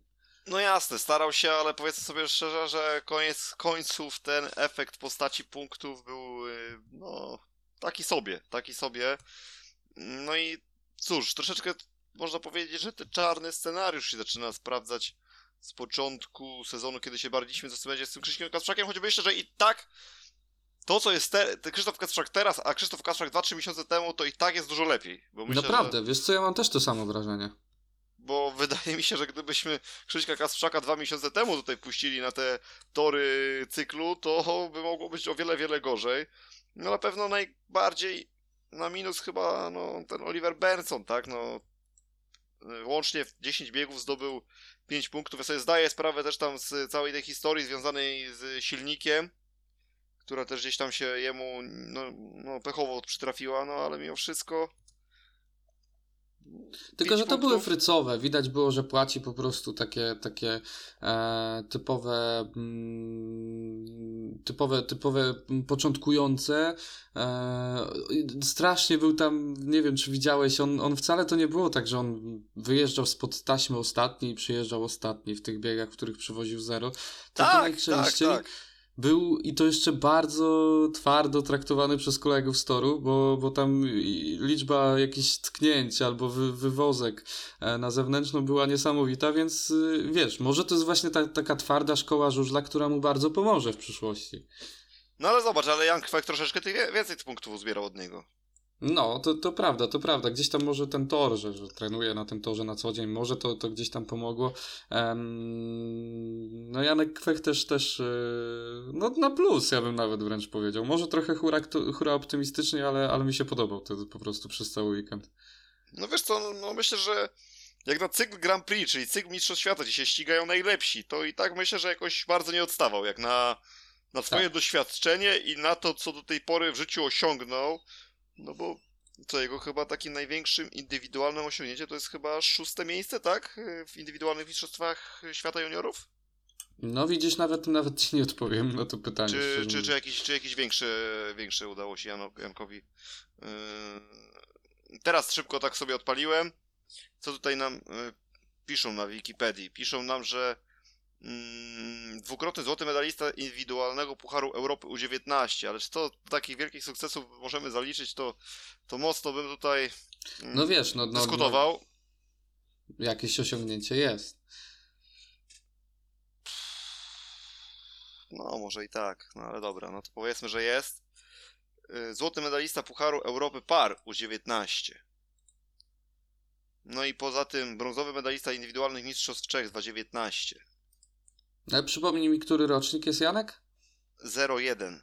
No właśnie, i tu masz całą odpowiedź. Jakby daj, dajmy chłopakowi czas, bo. mm, Nie no, sta, oczywiście, że tak. To jasne, tylko chodzi mi o to, że yy, jechał jako, jako zawodnik y, cyklu Grand Prix, oczywiście tutaj z dziką kartą, ale też y, chodzi mi o to, że jednak na ogół w różnego rodzaju krajach, może właśnie poza takimi Czechami czy takimi krajami, gdzie nie ma jakichś tam mocnych nazwisk, zazwyczaj dostają raczej dzikie karty zawodnicy, którzy jednak już tam jakieś osiągnięcia w swoim CV mają. Nawet jeśli są bardzo młodzi, to bardzo często jest tak, że to jest już jakiś medalista mistrzostw świata juniorów, prawda? A nie tam y, in, Pucharu Europy U19.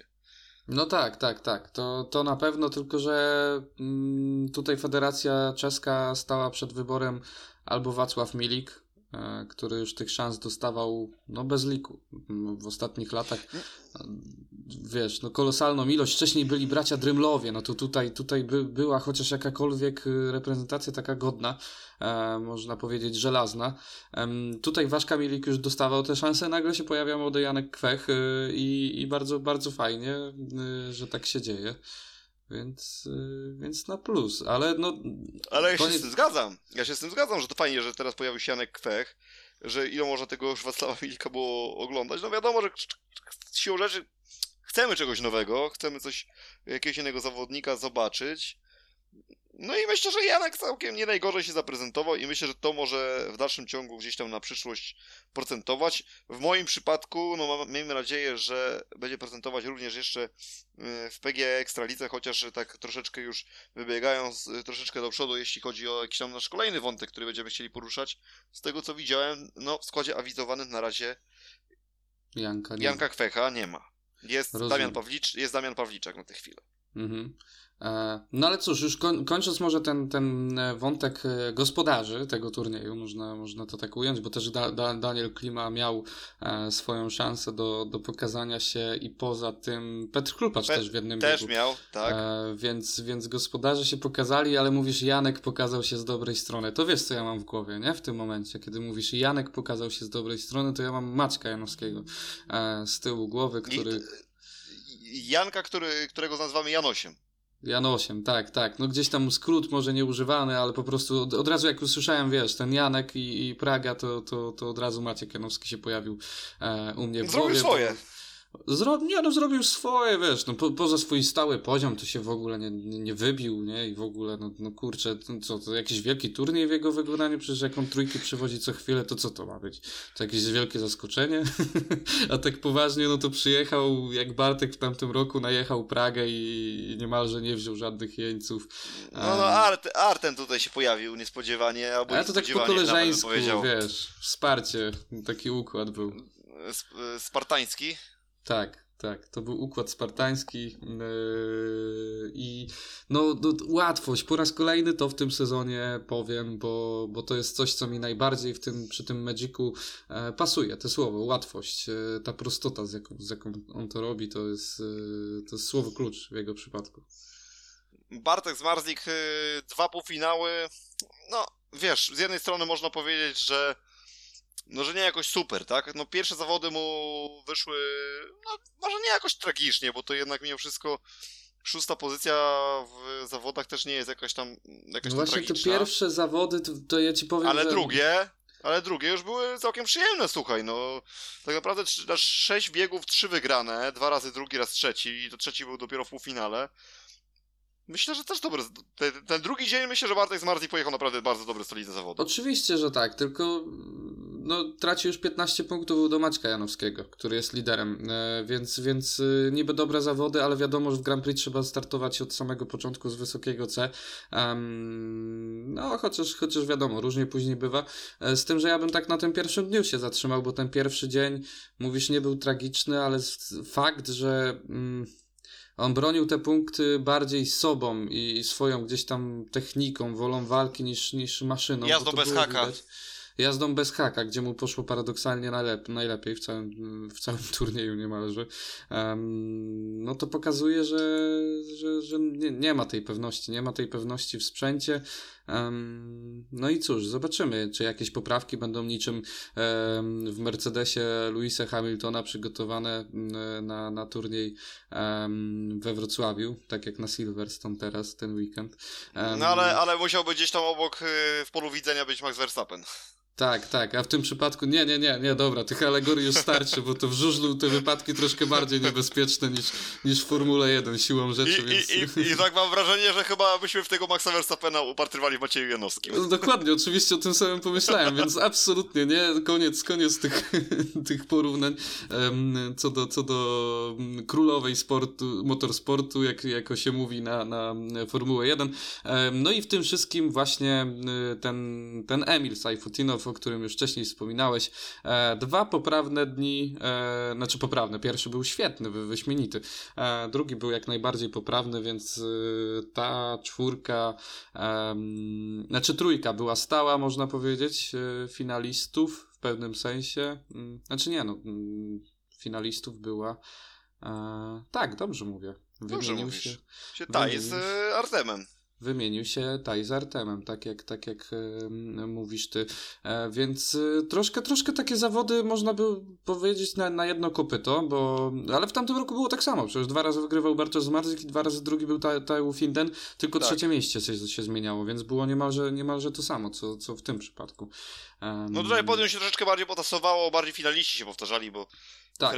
Fredka raz był na podium, raz go nie było, także... Tak, tak, tak, tak. Ten Martin Waculik też nie mrawy w tym wszystkim, można śmiało powiedzieć. Jason Doyle też mm, gdzieś tam e, widać, że się stara, widać było, że, że mm, daje z siebie wszystko, no ale, ale mimo wszystko to ta stawka w tym sezonie, powiem Ci, że jest paradoksalnie tak, jak się martwiliśmy, ona jest kurde silna. To jest bardzo silna stawka Grand Prix w tym, w tym sezonie. Znaczy my się zamartwiliśmy o to właśnie, czy ona nie będzie troszeczkę słaba ze względu właśnie gdzieś tam w jednym momencie na właśnie na te słabszego Kasprzaka, na Berndsona i będącego w słabszej formie bardzo długo Mateja Żegara, nie? O tych trzech zawodnikach głównie mówiliśmy, że no oni, no tak. że oni troszeczkę tego poziomu nie zaniżą. I Później z kolei trochę się jest taki czy też Max Frick troszeczkę nie jest, nie? No, i, no jest, no słuchaj, no jakby Krzysiek i, i Bertson, y, oni we dwójkę, no nic, ani, ani tu, ani tu nic nie pokazali jakiegoś takiego, wiesz, super, super wielkiego. Robert Lambert też, powiem ci, słabo, słabo się zaprezentował, bo dwa dni on zdobył łącznie 10 punktów, w nie jeden, jednego punktu na bieg, to tak trochę powiem ci... No tak, ten drugi dzień mu po, popsuł wszystko tak naprawdę już w tej średniej. E, Tak. Bo tam trzy punkty w pięciu biegach. W tym pierwszy dzień było troszkę lepiej. Em, W pierwszy ale- dzień bym powiedział, że było poprawnie, nie? Że to był poprawny występ, ale, ale ten drugi, właśnie ten, czy tam nawet trzeci patrząc, y, to, to był faktycznie, faktycznie słaby. No No i wiesz co mam na chyba... myśli? Właśnie Mhm. to, że mm, w tej stawce jakby odciąć tych trzech, czterech y, od dołu, to, to tutaj się pojawiają już, nawet nie chodzi o nazwiska, bo tu nie chodzi mi o nazwiska, tylko o poziom po prostu um, pokazywany Oczywiście, przez, przez to- tych to- zawodników. Tutaj każdy może wygrać i to, jest- to jest niesamowite. To jest jedna rzecz i druga rzecz tutaj jest właśnie w tych zawodach, y, no charakter... one się charakteryzują naprawdę ogromną determinacją tych zawodników. Tak, tak, tak, tak. Em, no, no ale co, co, cóż, cóż tu jeszcze dodać? E, Aha, wiem, co, wiem o czym chciałem z Tobą porozmawiać. Taki jeden szybki te- temat na koniec już e, wątku Grand Prix, o którym było dość, dość sporo. Em, Coś, jak się wypowiesz na temat tego komputera mm, jako sterujący taśmą startową? Wiesz co, sam nie wiem, bo jakby spojrzymy na to, co się działo, to jednak i tak były ruchy na starcie. I tak były ruchy i ja w ogóle nie rozumiem, czemu za te ruchy nie było ostrzeżeń. To jest dla mnie jakby no, zaprzeczenie tego, o czym się mówi od paru lat. Tak więc trochę, no ja rozumiem, że to jest jeszcze jakaś faza tam testowa, tak? Po, więc mm, być może troszeczkę muszą się wszyscy z tym oswoić i w jakiś sposób nauczyć z tym obchodzić, ale no nie wiem, czy to jest potrzebne w żużlu. No okej, no jakiś tam jakiś to sens ma, że wiadomo, no ale z drugiej strony, jak widzimy, komputer też zawodnicy potrafią oszukać, jak potrzebują. No, no dokładnie, przecież Leon Madsen się chyba dwa czy trzy razy e, ruszał przy, przy taśmie startowej i ta taśma szła do góry, gdzie słyszałem tą opinię, że em, taśma startowa pójdzie do góry jedynie w momencie, w którym wszyscy będą stać nieruchomo, że tak jest zaprogramowana. No absolutnie tak nie było. Em, jakby ja ciebie rozumiem, bo mam to samo w głowie, że to jest, pomysł nie jest najgorszy. Pomysł y, ma, broni się swoimi, swoimi e, argumentami, przynajmniej tymi teoretycznymi, ale jak na razie wykonanie nie jest najlepsze mm, tego pomysłu, bo, bo też strasznie długo trzymał ten komputer. Trzeba by było skrócić troszkę ten maksymalny pułap czasowy. Mam takie wrażenie. No, myślę, że, że tutaj się zgadzam z tobą, bo w sumie powiedzieliśmy praktycznie obaj to samo, więc chyba, chyba w 100% się, Tylko- się są zgadzamy. Jestem ciekaw, co pan Marek Wojaczek się na, jak, jak się na, to, na ten temat wypowie. No Nie no, ma, ma Marek Wojaczek to on powie, że to jest w ogóle zabijanie ducha sportu Tak. i, i rywalizacji na linii sędzia-zawodnik, Tak. więc Co ja mam tu robić na tej, na tej wieżyczce, jak już to na, nawet zabierzecie? no to jak ja mam to, tu konkurować z nimi? no chociaż dać to ostrzeżenie. No, no, no, te ostrzeżenie dać, ale nie wiem, tam chyba według re- regulaminu nie, nie miało być tych ostrzeżeń. Nie wiem, tego nie rozumiem, to było dla mnie mocno dziwne, bo nawet jeżeli ta taśma nie pójdzie w górę, to i tak będziesz próbował szukać kogoś, kto stoi po twojej lewej, prawej stronie. Nie, po prawej w sumie nie, tyl- tylko po lewej.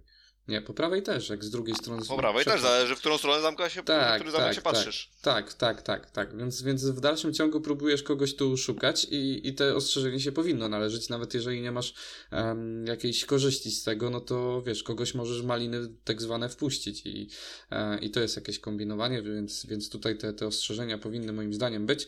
Em, no, no wspominaliśmy sobie już o, o kapitanie Haku, um, ale, ale Bartoszu z Marzliku, też, też wspominaliśmy o, em, o szybkim Magicu, więc temat y, bym uważał chyba za zamknięty, jeżeli chodzi o tak Grand Prix. Bardzo fajny początek em, rywalizacji o tytuł Mistrza Świata. No i już za, za mm, półtorej tygodnia tak naprawdę od dziś em, jedziemy w, w podwójną rundę we Wrocławiu i, i myślę, że, że się będzie działo jeszcze więcej tak naprawdę niż w tej pracy.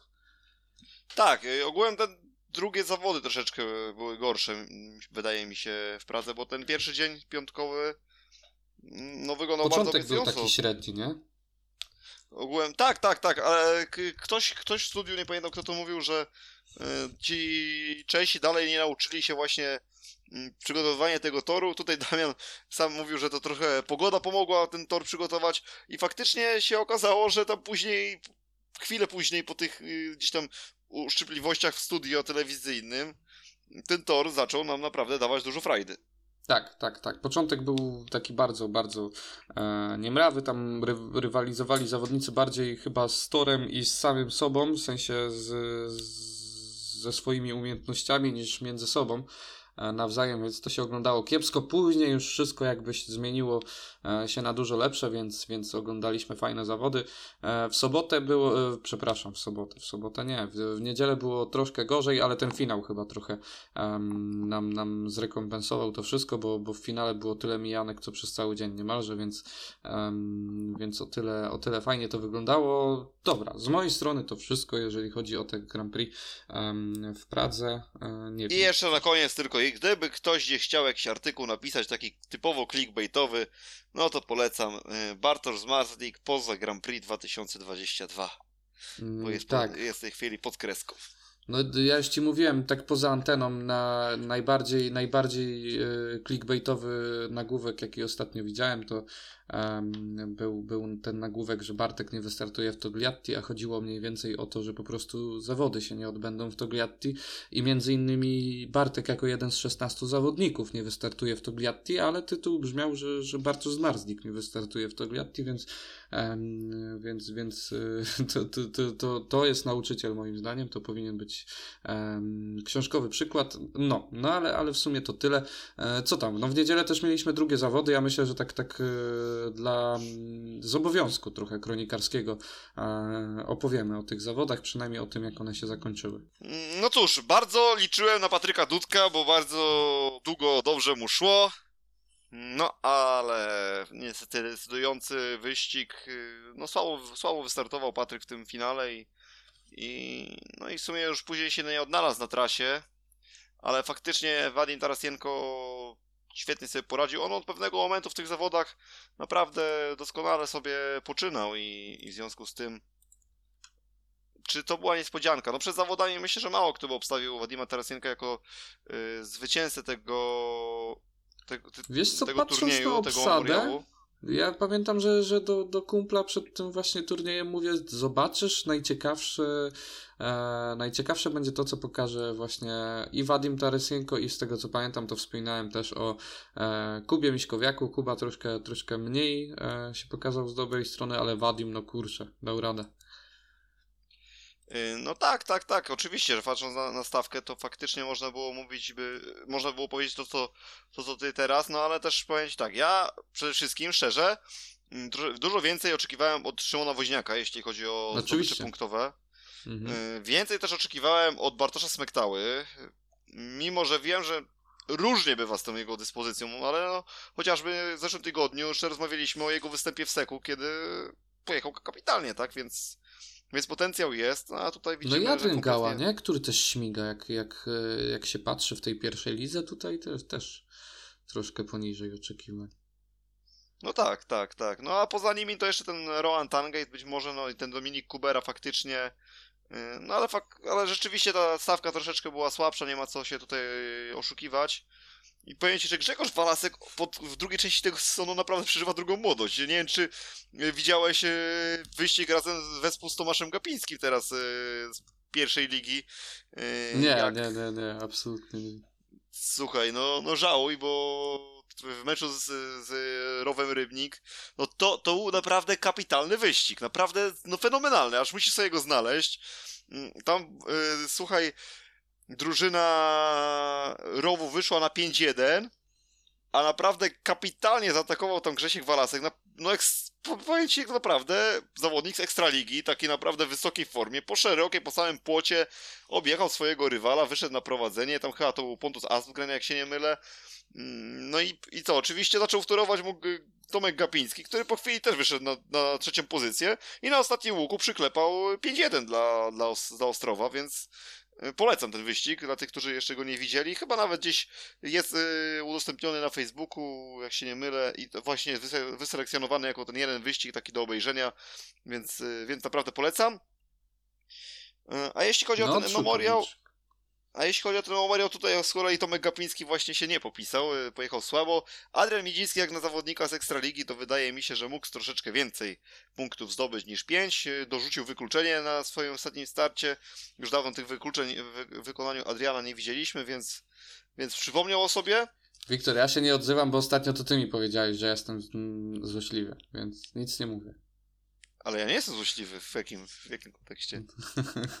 ja mówię, że ja się No nie, no wiadomo, że wiadomo, że no a tu Adrian myślę, że sam, sam doskonale wie, że tych y, upadków zalicza dużo i to jakby i, i wykluczeń. No wykluczeń może aż tak dużo nie, ale, ale upadków zalicza dużo, więc jakby no chyba sam, sam wie jak jest. No myślę, że tutaj sam siebie nie będzie oszukiwał. No i faktycznie tutaj miał troszeczkę teraz przerwy, że, że już wykluczeń tak nie łapał, no i niestety niestety tutaj w tym memoriale się to powtórzyło. Y, Kuba Miśkowiak, powiem Ci tak, y, no 8 punktów na w turnieju, gdzie no ponad chyba nawet połowę uczestników stanowili zawodnicy pierwszej ligi i juniorzy, nawet zdecydowanie chyba nawet ponad, mhm. to powiem Ci, że znowu tak troszeczkę jakoś mam wrażenie nie, nie udokumentował swojej formy z początku sezonu, a przynajmniej z tej pierwszej nawet połowy sezonu bym powiedział, bo teraz tak, mówiliśmy ostatnio o Seku, o Impie, że mu nie poszło, teraz tutaj no ciężko się czepiać, że no, przy zdobyciu 8 punktów, że mu nie poszło i, w, i do tego w zawodach powiedzmy towarzyskich. No, znaczy, ale... Wiesz co to się może skończyć? Przy, przyjdzie liga i znowu będzie, będzie ekstra. E, takie mam wrażenie, że Kuba jakby się skupia na, na tych ligowych. Nie no, to tego, tego mu życzę, szczególnie, że w, przed sobą ma mecz z GKM-em w 14 kolejce, więc, więc oby tę formę utrzymywał i, i ciekawe, tak ciekawe czemu mu tak tego życzysz. No, także, także życzę. Kacper Woryna fajnie, fajnie, cieszę się, że tak, tak ładnie się zaprezentował. Mm, mm, cały czas, cały czas myślę mimo wszystko młody zawodnik półfinał, półfinał gdzieś tam może coś nie pykło, ale, ale generalnie no 13 punktów to i tak jest ładny Szkoda tej taśmy początek był. Grzesia, nie? W tym, w tym półfinale. Yy, mówimy o teraz o Grzesiu Walasku, tak, no, tak no, oczywiście, tak. że szkoda. No, Grze... Y, myślę, że myślę, że też był rozpędzony po tych dwóch trójkach. Kto wie, czy by do, do finału nie wszedł. No. No więc, więc pierwsza liga, y, y, powiem Ci tak, ja skwituję ten turniej właśnie takim fajnym, um, znaczy fajnym, w sensie turniej było tyle fajny, że um, fajne spotkanie Ekstraligi z pierwszą ligą i ta pierwsza liga wcale nie wyszła jakoś bardzo przegrana z tego spotkania z, z ekstraligowcami. No pewnie, że nie, bo w finale wygrali 4-2, no to... W finale wygrali 4-2, później no fakt faktem Patryk Dudek, Kacper Woryna, ale później się pojawia Grzesiu Walasek, e, Grzesiu Zęgota, e, przed Kubą Miśkowiakiem, Szymonem Woźniakiem, Adrianem Miedzińskim, więc no, obronną ręką. Ta pierwsza liga e, wyszła z tego turnieju w Gorzowie i to też takie fajne, bo wiesz, mamy bardzo mało okazji do tego, żeby zobaczyć, przekonać się na własnej skórze, jaka jest różnica między, między tą Ekstraligą a pierwszą ligą, a tutaj takie turnieje o tyle mm, mają e, ciekawą charakterystykę, że można w końcu ich zobaczyć jakby na, na jednym torze, na, e, na tych samych zawodach i to jest bardzo, bardzo ciekawe. E, gratulacje dla Wadima, bo wydaje mi się, że, że, że będą z chłopaka ludzie, że on jeszcze całego swojego potencjału nie pokazał i e, i można się spodziewać, że niedługo gdzieś tam ktoś, ktoś zapuka z, z Ekstraligi do tych drzwi i, i na pewno się pojawi w tej Ekstralidze. Słuchaj, Wadim w ogóle zaczął kapitalnie ten sezon, od, nie, nie wiem czy pamiętasz, od kryterium asów. Oczywiście, tam... że pamiętam, tylko Bartek Zmarzyk go tam chyba potrafił. Eee... Tak, super sobie tam radził. On w ogóle ten początek sezonu miał genialny. Później oczywiście dalej jeździł dobrze, ale już to nie były aż takie fajerwerki. Dlatego tu fajnie, że takie się pojawiły właśnie zawody, w których znowu były te fajerwerki, bo no, dwa, dwa pierwsze starty powiedzmy jedynki, no ale później już pięć trójek jak ktoś zdobywa, no to... No tak to coś, to, to, to znaczy. A teraz chciałem się e, o ciebie zapytać, ciebie zapytać o inną rzecz, tak od drugiej troszeczkę strony.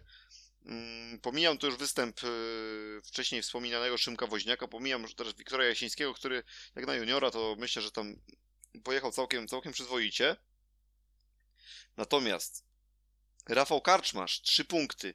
Do tego w weekend w meczu PSG Poznań, co prawda to było na wyjeździe w Niemczech w Landshut. 4 plus 1 jak dobrze pamiętam, tak, tak z pamięci teraz mówię. No co czy ja mam nie za? Czy nie martwi cię zda- ten Rafał Karczmasz w kontekście zbliżającej się fazy playoff? Oczywiście, I w kontekście tego, że i w kontekście no tego, że na horyzoncie może się okazać, że zaraz tego Markusa Birkemos nie będzie do wykorzystania w jego miejsce. Wiesz, nawet jeśli by był, no to dalej, dalej jest to małe pocieszenie niestety um, przy ostatnich wiatrach e, Markusa. Mm, no się mówi coraz więcej o tym marnowanym po, potencjale młodego Duńczyka, ale no cóż, jest jak jest, różne sygnały dochodzą z tego, e, z tego mm, teamu. E, na ten moment jest Rafał Karczmasz w wyjściowym składzie, więc o, to jest coś, o, o, o, czym od początku sezonu mówiłem, że to będzie główny, główna udręka Stali Gorzów, że, że okej, okay, mm, juniorzy nie są aż tacy źli, w sensie jest Wiktor Jasiński, który troszkę ratuje tą formację, niestety, bo pod nieobecność Kamila Nowackiego, więc, więc tutaj nie jest najgorzej, ale no te U24 to będzie zmora, to będzie, ha, zmora to w sumie, wiesz, Niekoniecznie to trafione słowo. no, niekoniecznie trafione słowo i niekoniecznie trafiona e, osoba pod tym U24. Ja tak w ogóle ostatnimi czasy się przysłuchuję tej debacie odnośnie ruchów transferowych na, na, w przyszłym sezonie. E, ponad się głośno mówi o juniorach, o zainteresowaniu Stali Gorzów juniorami. Moim zdaniem to jest troszkę błędny kierunek, bo e, przychodzi nam Oskar Paluch w przyszłym sezonie, który teraz e, już w juniorskich zawodach pokazuje, że jest lepszy od pozostałej części szkółki Stali Gorzów, oprócz Wiktora Jasiskiego, który kończy sezon juniora w przyszłym sezonie. Więc kurczę, zamiast ładować te pieniądze w jakieś wielkie transfery, zainwestujmy w sprzęt dla Wiktoria Jasińskiego. Do tego e, pomóżmy na start Oskarowi e, Paluchowi ze sprzętem. Wraca, wraca, wraca z Grudziądza. Bartkowiak. Też, też Mateusz Bartkowiak, więc y, to wszystko jakby pokazuje, że, że tutaj może być dużo lepiej i zamiast wy, wydawać tę, tę nie, niesamowitą zapewne kasę e, gdzieś na zewnątrz, to można ją zostawić pomagając swoim, a, a Wiktor Jasiński pokazuje potencjał, także kończąc ten cały wywód, y, tak martwi mnie jak jasna cholera dyspozycja Rafała Karczmarza pod y, pozycją U24. No tak mam wrażenie, że to jest chyba najsłabsza pozycja U24 w lidze, a oprócz tego nawet gdybyśmy połączyli tak słabego, no, no, może nie aż tak słabego, no ale słabego karczmarza powiedzmy, y, z młodzieżowcami na tę chwilę, których może desygnować trener Homski na pojedynek ekstraligowy, to nie wiem, czy to nie jest najsłabsza formacja taka juniorów łamane na U24 w tak, tak, tak. lidze. Takich młodzieżowców, ala, można powiedzieć. Wie, wiem o co ci chodzi. Um, tych, tych najmłodszych zawodników począwszy. No bo nawet Zielona Góra ma jakąś, wiesz, ma jakąś siłę pod tym kątem, że na U24 mają trzech takich powiedzmy nie, nie najgorszych kandydatów, tego Tondera, Pawliczaka i Kwecha. Tak, oczywiście, że tak. A ja mam wrażenie, że każdy z nich od tego karczmarza jest w tym momencie lepszy, chociaż za dwa tygodnie pewnie mogę zostać sprowadzony na ziemię po, po derbach w Gorzowie. No, te derby wiadomo, myślę, że, że obyd, obydwaj traktujemy nieco inaczej w tym sezonie. Um, ale ale co, co, co chciałem powiedzieć, wiesz, ta słaba postawa pozycji U24 mogłaby być przykryta w pewnym sensie przez e, choćby jednego bardzo dobrego juniora, bo zobacz, cztery starty już odpadają dwa starty, bo w, w zamian za to mo, mo, mogą wejść dwie rezerwy zwykłe e, na tej pozycji U24, tak. więc, więc gdyby był silny junior też jeden, ale taki naprawdę silny junior w, w Gorzowie, to ta luka by była dużo mniejsza. Niestety nie ma i e, dalej... I boli chyba ten brak Bartkowiaka, co? Tak, w tym momencie on się objawia, w tym momencie on się objawia, ale też z, z drugiej strony, wiesz, no objeżdża się, to jest gdzieś tam jakiś, jakiś kierunek yy, ku przyszłości, Mm, no, no ale, ale to jest to coś, o czym ja mówiłem od samego początku, że będzie system 4 plus 3 um, i, i jeżeli ta czwórka, ktoś z tej czwórki się potknie, nie daj Boże, to, to tak naprawdę Stal Gorzów się okazuje, że um, nie jest tak silna, jak ją ma, się maluje i, i to jest mój najwię moja największa obawa przed, przed playoffami. Powiem jeszcze Ci, że tutaj nie widzę żadnego przedstawiciela drugiej ligi w tych zawodach y, w Gorzowie. Natomiast w drugiej Druga liga troszeczkę... miała, miała swojego przedstawiciela. Miała swojego przedstawiciela za to na torze w Rawiczu i to dosłownie na torze, a nawet powiedział, że nie na torze, a w polewaczce. Tak. Mm, jak się odniesiesz do tego, do tego, do tych sensacyjnych doniesień E, a może nie sensacyjnych, a skandalicznych doniesień, bym nawet to w tym, w tym kierunku poszedł, e, z tego, co się działo w Rawiczu, czyli rzekome, pokaz- rzekomy przejazd prezesa rawickiego klubu w Polewarsce z gestem pozdrawiających kibiców i ogółem działaczy, nie wiem w sumie kogo tak naprawdę ostatecznie z Opola. Jak, jak to od, odniesiesz? Mamy to oczywiście pozdrowienia te, te negatywnego, ten, ten, Tak, z tego tak, tak, negatywnego światła, jeśli ktoś oczywiście nie miał okazji do tej pory się z tym tematem gdzieś tam zapoznać. Znaczy mówisz rzekomym, to już nawet nie jest rzekome, bo są zdjęcia i, i, i filmy, więc y, to już nawet nie jest gdzieś tam plotka, tylko faktycznie udokumentowana kwestia. I tak jak ci powiem, że chyba, chyba w tym naszym podcaście wyznajemy mimo wszystko zasadę, że tych tych, którym nie idzie, tym, tym którzy na przykład są słabsi teraz, jakby nie chcemy ich dodatkowo dobijać i e, fakt faktem wspomnimy o tym, że słabo idzie i tak dalej, ale, ale to nie jest jakieś, jakieś bardzo uszczypliwe z naszej strony. Tak powiem Ci, że hamstwa i buractwa to ja nigdy akceptować nie potrafiłem i nigdy nie będę e, potrafił akceptować, a to było takie hamstwo i buractwo w najczystszym możliwym wydaniu i e, no, no mi brak, brakuje mi Wiktor słów, wiesz, takich cenzuralnych, których mógłbym tutaj użyć, a jak użyję jakichś innych, to nam zaraz zasięgi spadną i, i, e, i tyle z tego będzie, więc, więc e, no co mam ci powiedzieć? Hańba, dramat, nie wiem, skandal, nie, nie wiem co jeszcze mam tu powiedzieć. Znaczy nie, ma, nie martw się, jeśli chodzi o, o, tych, o to, że kogoś słabego się gdzieś tam nie rusza, bo przecież kolejarz Szawirz jest w tej chwili bardzo dobrej sytuacji w tabeli drugiej ligi żużlowej. Ja mówię, że my nie ruszamy, że my nie używamy, wiesz, zbyt y, złych słów na takie osoby, a jeżeli chodzi o takie zachowania, to, to uż, użyję najgorszych słów, jakie tylko się da. No, ciężko powiedzieć ciężko mi jest to komentować, bo naprawdę w ogóle nie wiem w jakim celu to było wykonane. Co, Stary, po co? Co, co, co się tym osiąga, naprawdę ja nie kumam. Y, zresztą yy, Czekaj, w których to zawodach był środkowy palec znowu pokazany yy, teraz ten weekend? E, ale mówisz y, o, o, o torze, na torze. Mm, tak? tak? Tak, tak, tak, tak, tylko teraz chodzi mi, że też była, że jeszcze jedna była taka sytuacja, tak, bo znowu ja, nawet, bo... żółta kartka za to była. Wiesz, jest różnica między robieniem tego w afekcie, po biegu, e, adrenalina? Eee, Nikolaj, Nikolaj Klint właśnie w meczu z tym, który przed chwilą wspominałem, chyba z Rowem Rybnik to było. O widzisz, o widzisz, czyli, ale wiesz, no, no tutaj bym totalnie nawet nie próbował tego porównać, yy, bo, bo mimo wszystko, no... Tylko czy to było, czy to było z meczu z Rowem, czy to było z innego meczu w Ostrowi? Mm, czekaj. Tak, to był Ostrów e, Rowrymnik. No, 14 tak bieg nawet, meczu pomiędzy, pomiędzy Ostrowem a, a Rowem Rybnik. I ja tam pamiętam, że tam w ogóle nie miał tak naprawdę powodu, żeby ten środkowy palec pokazywać. Yy, Nikolaj Clint, bo tam w sumie nic, nic wielkiego raczej mu yy, rywal nie zrobił, no ale jak, tak, tak jak mówisz, tutaj jeszcze jest to zrozumiałe, zrozumiałe, bo jest tam to wszystko w emocjach i gdzieś tam w adrenalinie, aczkolwiek tutaj znowu ja to ten, temat, ten yy, przykład przy, przywołuję ze względu na to, żeby powiedzieć sobie, odpowiedzieć znowu na pytanie to samo, które zadałeś wcześniej, no po co? W jakim celu? Bo tylko, że właśnie tutaj te, te takie mm, po co, y, jeżeli robią to zawodnicy, to ja tutaj powiem Ci więcej. To może będzie bardzo, bardzo radykalna opinia z mojej strony, bardzo kontrowersyjna, ale ja lubię, jak oni wiesz, jak oni są tacy niegrzeczni, tacy gdzieś tam.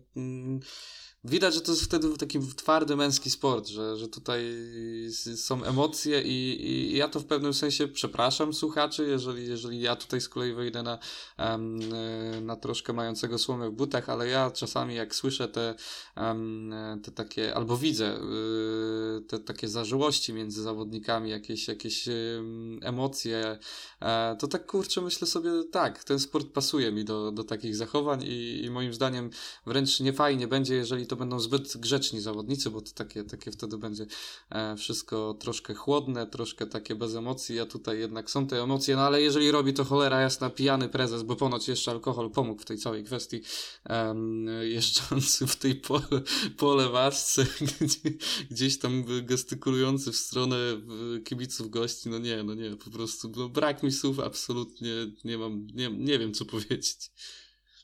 Y, a tak zostając jeszcze w drugiej lidze żużlowej i troszeczkę może mówiąc o czymś troszeczkę bardziej pozytywnym, to chciałbym tutaj też słówko powiedzieć o tym, co się działo z kolei w Landshut, y, czy tam Landshut, y, czytając może po niemiecku, bo tak troszeczkę się gdzieś tam rozpędziłem. No, chodzi mi tutaj o dokładnie Martina Smolińskiego, który w tym sezonie miał lepsze, gorsze występy.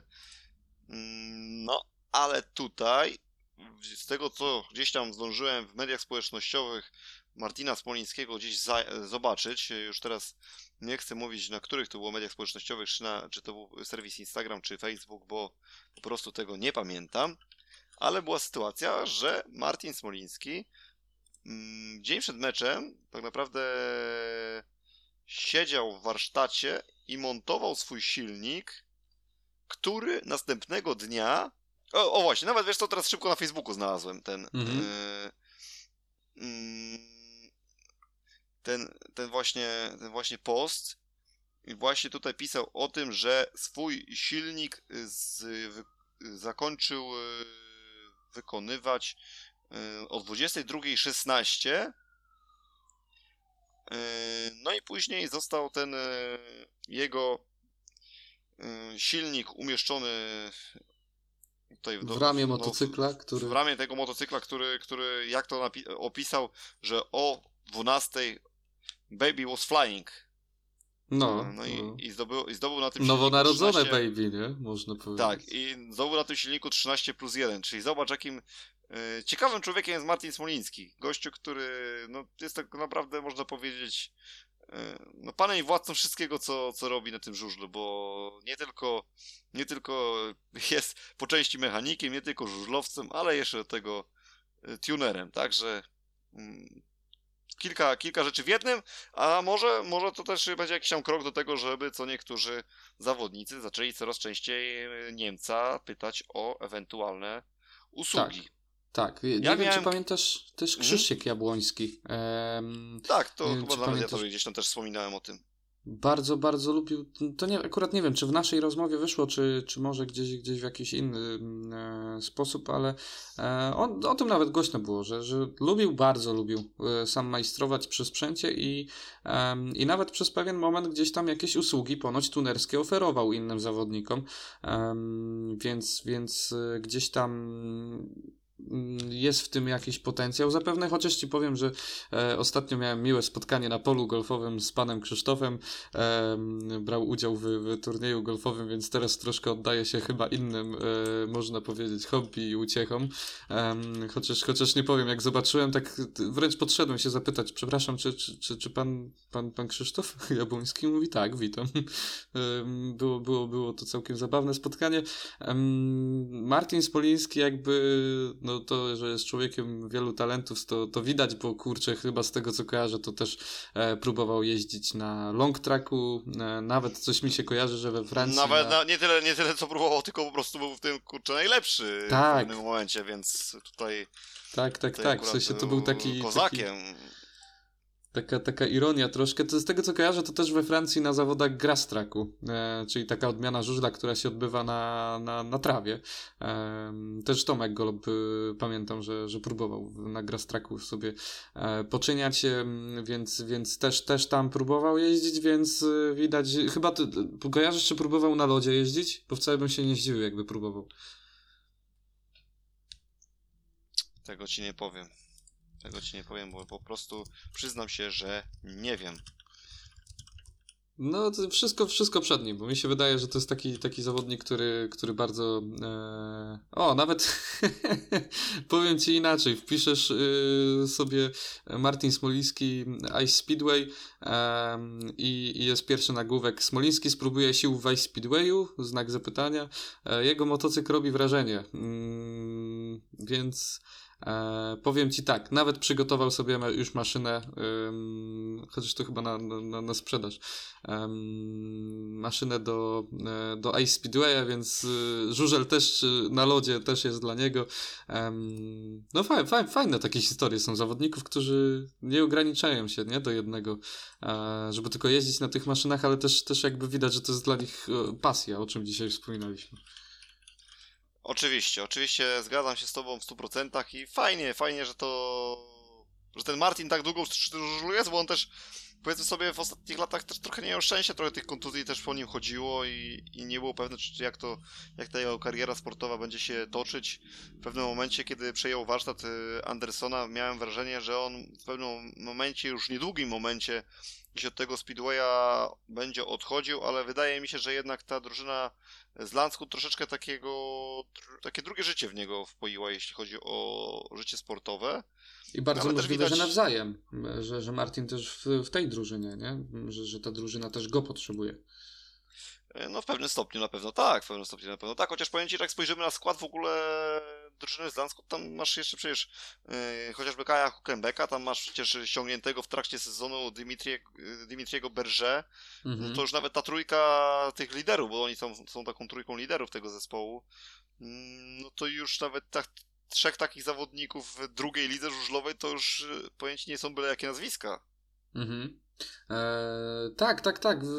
Wiesz, ja bardziej mówię o takim człowieku stąd. E, zawsze w, w niektórych drużynach, znaczy w, w, każdej drużynie jest potrzebny dla kibiców taki zawodnik, który, który będzie jakby takim lokalsem tak zwanym. I tutaj, tutaj właśnie Martin może się odnajdywać w tej, w tej roli. O to mi chodziło głównie. Tak, tak, tak, to, to zdecydowanie, to zdecydowanie. Mm, no i fajny, fajny taki akcent powiedzmy drugoligowy, bo tak rzadko schodzimy aż tak nisko, jeśli chodzi o poziom rozgrywek w naszym podcaście, ale myślę, aż że tak powoli... nisko jak prezes kole, kolejarza Rawicz chciałeś, chciałeś powiedzieć, tak? Aż tak nisko. No to, to to jest poziom powiedzmy sobie szczerze, no żadnej ligi, tylko to już jest No, no, zostawmy komentarze, bo nie ma sensu, tak jak ty mówisz, że trzeba było zaraz użyć jakichś tam niekoniecznie parlamentarnych słów. A my teraz z tego, tej drugiej ligi, niczym yy, skoczek narciarski, wyjdźmy w powietrze do góry i przenieśmy się do najwyższych yy, lotów, yy, do ligi najwyższych lotów, czyli PG Ekstra Ligi, yy, ponieważ yy, jej rozgrywki już w najbliższy weekend, a zmierzą się ze sobą na początek yy, ekipy Fogo Unileszno oraz yy, drużyna, no powiedzmy w skrócie GKM Grudziądz, mm, żeby nie musiał się z tą trudną nazwą gdzieś yy, męczyć, no albo jeśli, jeśli trzeba, no to powiedzmy ZEO, Lesz, DPV Logistic, GKM Grudziądz. Yy, faworyt chyba jest tylko i wyłącznie jeden. Mm, jeśli chodzi o faworyta do bonusa, też jest tylko jeden. Y, tak więc myślę, że tutaj będzie bez większej historii i Fogo Unia Leszno pewnie zwycięży z GKM-em Grudziądz, który myślę, że przystąpi do tego pojedynku w pełnym składzie, nie licząc oczywiście Denisa Zielińskiego, ale jeśli chodzi o osobę Nikiego Pedersena, to raczej tu jestem spokojny, że Duńczyk się na tym meczu pojawi. E, też mi się wydaje, że, że będę spokojny. Chciałem tylko przy, przypomnieć, że um, to już jest kolejny podcast, w którym odhaczyłeś i masz do tego niesamowity talent, muszę przyznać. Odhaczyłeś nawiązanie do skoków narciarskich. Um, myślę, że, myślę, że trzeba by było przeanalizować, czy pojawił się jakiś odcinek, w którym tego nie zrobiłeś. Um, nie wiem, kiedyś, kiedyś trzeba będzie to słuchaj, zrobić. Słuchaj, zaczęło się letnie, słuchaj, zaczęło się letnie Grand Prix w skokach narciarskich. Nasi biało-czerwone, nasze biało-czerwone orły całkiem y, wysoko latają, tak więc y, warto, warto takich porównań gdzieś się używać. Oczywiście, że warto no, a co do, co do tego meczu, wiesz, no wydaje mi się, że, że do samego końca um, będą pełne składy. Tutaj zapewne miałeś na myśli bardziej zdrowotne aspekty, ale z tego co dochodzą nas słuchy, to, um, to wszystko jest w porządku, więc powinny, powinny być um, to mecze w pełnych składach u każdej z drużyn, więc y, tutaj no, no co, co na, ten, na, na temat tego meczu można dużo powiedzieć. Wydaje mi się, że tak jak wspomniałeś, mecz do jednej bramki. Mm, gdzieś tam może walka ze strony. Kto wie, może Krzysia Kasprzaka u siebie na torze w, w, w Lesznie. No, niedawno pokazał, że potrafi na tym torze jechać. Norbert Krakowiak w starciu z y, Apatorem też się fajnie zaprezentował. I teraz te, o tym Norbercie Krakowiaku, jak powiedziałem, to sobie przypomniałem jeszcze jedną kwestię, y, o której mi, y, tak chciałem tutaj jeszcze słówko powiedzieć, bo Norbert Krakowiak jest członkiem drużyny Y, mój drogi, która się nazywa, żebym poczekaj, żebym nie spalił nazwy.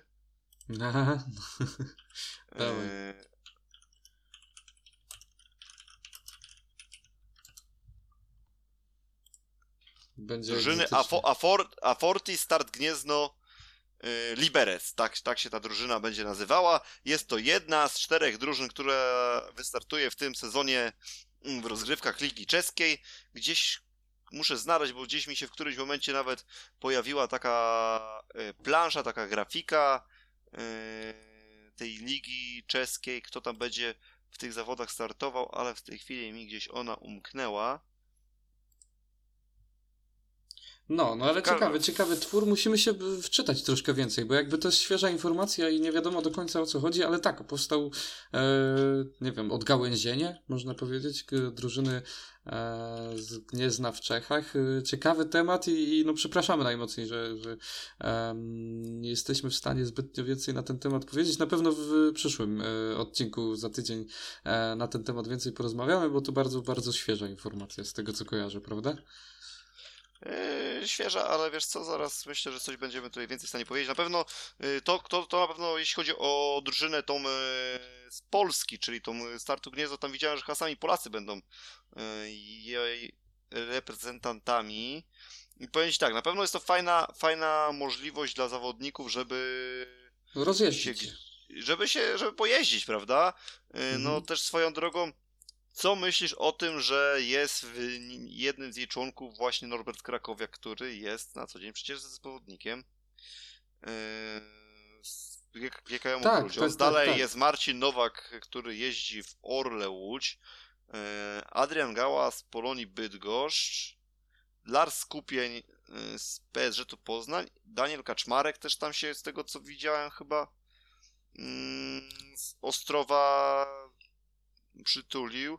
Tak więc o, oficjalnie żaden z tych zawodników nie ma, nie ma związku z, ze startem Gniezno, prawda? No ale z drugiej no, strony no to wiadomo, że ma, Adrian Ga- No i tak samo Adrian Gała przecież, no tak więc tak więc mhm. Y, tutaj jakby jest oczywiście powiązanie, ale chodzi mi o to, że no oficjalnie mówimy, mówię oficjalnie, tak? Oficjalnie to są zawodnicy innych klubów, a jednak będą jeździli pod, szyld, pod szyldem startu Gniezno. Ciekaw jestem, jaka była właśnie na, na to reakcja poszczególnych klubów tych zawodników, czy żaden z nich jakoś tak troszeczkę sceptycznie do tego nie podchodzi, no bo wiadomo, to jest start w lidze czeskiej, no ale mimo wszystko mm, zespół, który reprezentują i nazwa tego zespołu troszeczkę tak mogłaby budzić pewien niepokój, wydaje mi się, co myślisz? Eee, mówisz tutaj o, o nas, o, o tym, że, nazwie, że jest jakaś... Gniezno. Tak, tak, tak. Start nie, to jest raz, yy, strzelam, że jakieś clickbaity też się pojawiły w tym temacie, że wiesz, wielkie przejście e, Norberta Krakowiaka do startu Gniezno, tudzież inne e, możliwe nagłówki, ale, ale co chciałem powiedzieć, e, tak, mówisz tutaj, może, może ja mam bardziej na myśli też zagrożenie kontuzjami, tak? Zawsze jest jakieś zagrożenie, że, że w kolejnych zawodach pojawi się jakiś upadek, jakaś kontuzja. Tutaj tak naprawdę zawody e, w pewnym sensie, no strzelam, że, że o nic, że, że to nie są jakieś wielkie gratyfikacje finansowe, więc, więc jakieś zagrożenie jest, ale z drugiej strony, wiesz, to jest taka trochę równowaga między korzyścią a, a, a ryzykiem, bo no bo jeżeli zawodnicy się rozjeżdżą, no to będą w dużo lepszej, lepszej formie i będzie z nich większy pożytek w tym e, macierzystym zespole, więc, więc jakby e, tutaj wszystko się zgadza. E, a czy, czy ktoś się zmartwił, kiedy zobaczył ten transfer, no, no chyba wątpię, może, może, przez pierwsze 5 sekund, ale później wszystko e, było jasne. A tak tylko jeszcze dopowiem, yy, ponieważ z, yy, wiem już teraz, gdzie to mi mignęło, sobie przypomniałem, bo gdzieś tam poza nagraniem, jak się nie mylę, rozmawialiśmy o Zlatej Prilbie. Yy, no i właśnie tam napotkałem się na tę na te infografikę. Te zawody, słuchaj, w tej lidze czeskiej odbędą się już jutro w Pardubicach. Mm, no i ze strony Aforti startu Gniezno, Liberec, dodajmy, yy, w składzie na te zawody w tej chwili znaleźli się Adrian Gała, Norbert Krakowiak, Mikołaj Czapla oraz Marcin Nowak, czyli Mikołaj Czapla, no to jest jakiś akcent yy, obecnego startu Gniezno yy, w tych zawodach. Aka Slany, zobaczmy kogo tu mamy, jest Grzesiu Walasek chociażby, jest Andrzej Smetana, Richards Answie Sulis, Jan Macek, Martin Malek, także troszeczkę takich innych nazwisk możemy tutaj sobie posłuchać, ale z takich ciekawszych zawodników to jest chociażby Wacław Milik, Matej Żagar, czy Jan Kwek chociażby, którego dzisiaj, o którym dzisiaj tutaj już rozmawialiśmy. Jest Daniel ja Klima, ci... jest Petr Klupacz, także, także ciekawie jest tutaj troszeczkę tych młodych nazwisk czeskich, ale też no, myślę, że, że, no, że mogą być ciekawe zawody. Tak ci tylko dopowiem, że mm, już jakby znany jest mi, mi przynajmniej powód e, wystąpienia e, tej gnieźnieńsko-czeskiej e, mm, drużyny, ponieważ to już od kiedy pamiętam, faktycznie te mecze były, mm, Liga Czeska odbywała się w tak zwanych czwórmeczach. Um, czyli, czyli gdzieś tam w jeden dzień spotykały się cztery zespoły i, i jedziemy z tematem, że, że tak to kolokwialnie no tak, tak, to akurat... e, nazwę. Tak, i, i tak było. Tak było naprawdę od dawna. Bardzo, bardzo często właśnie e, widziałem te wyniki czwórmeczów. E, a tutaj zespół z Żarnowicy się z tego co kojarzę wy, wycofał. E, po prostu. Więc e, brakowało czwartego do gry i, i w tym momencie e, gdzieś tam ośrodek żużlowy z, z, z Liberca mm, zaczął współpracować na tym poziomie z, z drużyną z Gniezna. no i jest to w pewnym sensie sensie ratowanie, można powiedzieć, niestety, ale, ale ratowanie e, tej czeskiej, tego czeskiego żużla ligowego przynajmniej, więc yy, miejmy nadzieję, że, że w przyszłym sezonie e, będzie to już też czeski zespół, e, bo, bo wiadomo, że, że czym więcej tych ośrodków też za granicami, tym lepiej, e, więc taki jest, e, taka jest geneza tak naprawdę tej, tej drużyny. E, no ale cóż, no, no już może wróćmy na te ekstraligowe tory. Tak, tak, oczywiście, jestem jak najbardziej za. Tak. Znaczy, i, to, to, to, słuchaj, byliśmy na ekstraligowych torach, tylko ekstraligi czeskiej. No tak, no tak, jedynej, ale ekstraligi. E, to, to prawda. E, to może na koniec, jeżeli chodzi o ten wątek, e, nie przedłużając, Unii Leszno z, z Grudziądzem. E, kto pierwszy mówi wynik? Mm, obojętnie. Obojętnie, to ja ci powiem 58-32. A ja powiem 53-37. Okej, okay, czyli, czyli nieco, nieco bardziej wyrównany pojedynek. Kogo tam? Nikiego upatrujesz jako e, obrońcy, można powiedzieć, Grudziądza? Krzyśka Kasprzaka jeszcze. Okej, okay, okej, okay, rozumiem. Myślę, mimo wszystko myślę, że, że on będzie bronić tych, tych barw. No i KNFBR musi się podnieść troszeczkę yy, i zdobyć może nie jakąś wielką zdobycz punktową, ale, ale 8 punktów jakby zdobył, to myślę, że też troszeczkę pozwoliłby się w bliższym kontakcie ekipie GKM-u trzymać z mistrzami Polski. I co, przechodzimy do drugiego i myślę, że dla nas najważniejszego pojedynku tej kolejki. No, dla nas z pewnością tak, dla nas z pewnością tak, ale, ale czy dla reszty Polaków to wątpię, szczerze powiedziawszy. No w tym roku to wyjątkowo mały, mały ciężar gatunkowy tego meczu. No słuchaj, ja nie pamiętam kiedy ostatni raz, yy, wiesz, N-Sport rezygnowało z derbów, mówiąc spoko, my pokażemy inny mecz, weźcie sobie Eleven ten mecz, bo, bo on taki średni. No, ja nie pamiętam no, takiej sytuacji. To, to, to, to, jest, to jest na pewno mm, niestandardowa sprawa. Mm, no i co? I jeśli spojrzymy na składy awizowane, to to jest to, co już gdzieś tam chyba wspominałem, że Damian Pawliczak y, pod y, U24 a jeśli chodzi o pozostałych zawodników, to tutaj chyba. No bez, bez zaskoczenia, nie ma, bez zmian. No nie ma, nie ma czy mówić, jest za to Nil Tuft yy, wraca do składu, to jest chyba yy, taka ciekawsza informacja yy, dla kibiców z Zielonej Góry, który przypomnę, że chyba nawet w starciu z Stalą Gorzów właśnie taki ładny mecz pojechał, prawda? Dobrze pamiętam? Mm, tak, tak, to było, to było na derby. To było jak najbardziej na derby, bo pamiętam, że jeszcze się wściekałem przed telewizorem przeokrutnie, mówiąc, że e, no, nawet Neil Tuft nas robi. E, cytuję moje powiedzenie. Nie, tam jeszcze było jeszcze gorzej przez pewien moment, ale nie, nie będę. E, ja powiem więcej. Tutaj e, myślę, że jeśli spojrzymy na wyścig juniorski, to ja bym powiedział, że tutaj faworytem e, do te, tego biegu będzie wynik remisowy, czyli wynik 3-3. E, w biegu juniorskim wynik 3-3. Zgodzę się, ale oczywiście podkreśla, podkreślając, że to będzie tak, że pierwszy zawodnik będzie z Gorzowa i ostatni będzie z Gorzowa. Tak, tak, też to samo miałem okay. na myśli, oczywiście. Innego, innego formatu tutaj nie przewidywałem. No to tu się zgadzamy. tu, tu się zgadzamy. I co, i jak myślisz, będą znowu ciekawe pojedynki Bartka Zwarzlika z Patrykiem Dudkiem? Z Patrykiem, tak. I to jest, to jest y, coś, czego chyba najbardziej trzeba upatrywać w tym meczu, bo, bo może być ciekawie. Um, ewentualnie, wiesz co, tak jeszcze myślę, ten Matej Żagar jakby się zbiera powoli, może, może coś, wiesz, w Gorzowie, który zna. E. W Grand Prix się słabo zebrał. No w Grand Prix się słabo zebrał, no to prawda.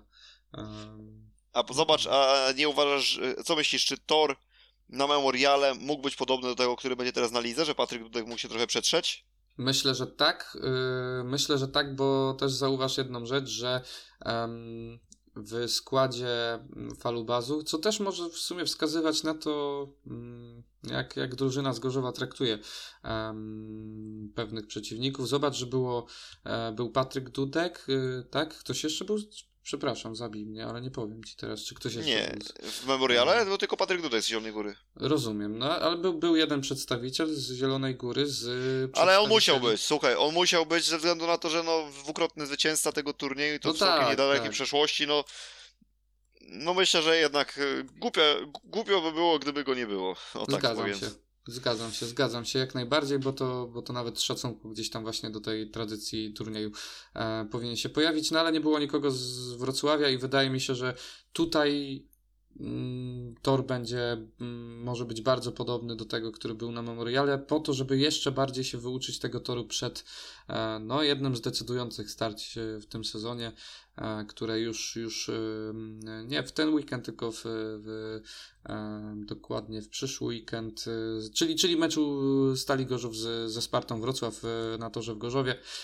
Tutaj, tutaj może się rozstrzygnąć parę ciekawych kwestii i, i tak, myślę, że, że to może być bardzo podobny tor. Z mojej strony 50-40 dla Stali w tym meczu.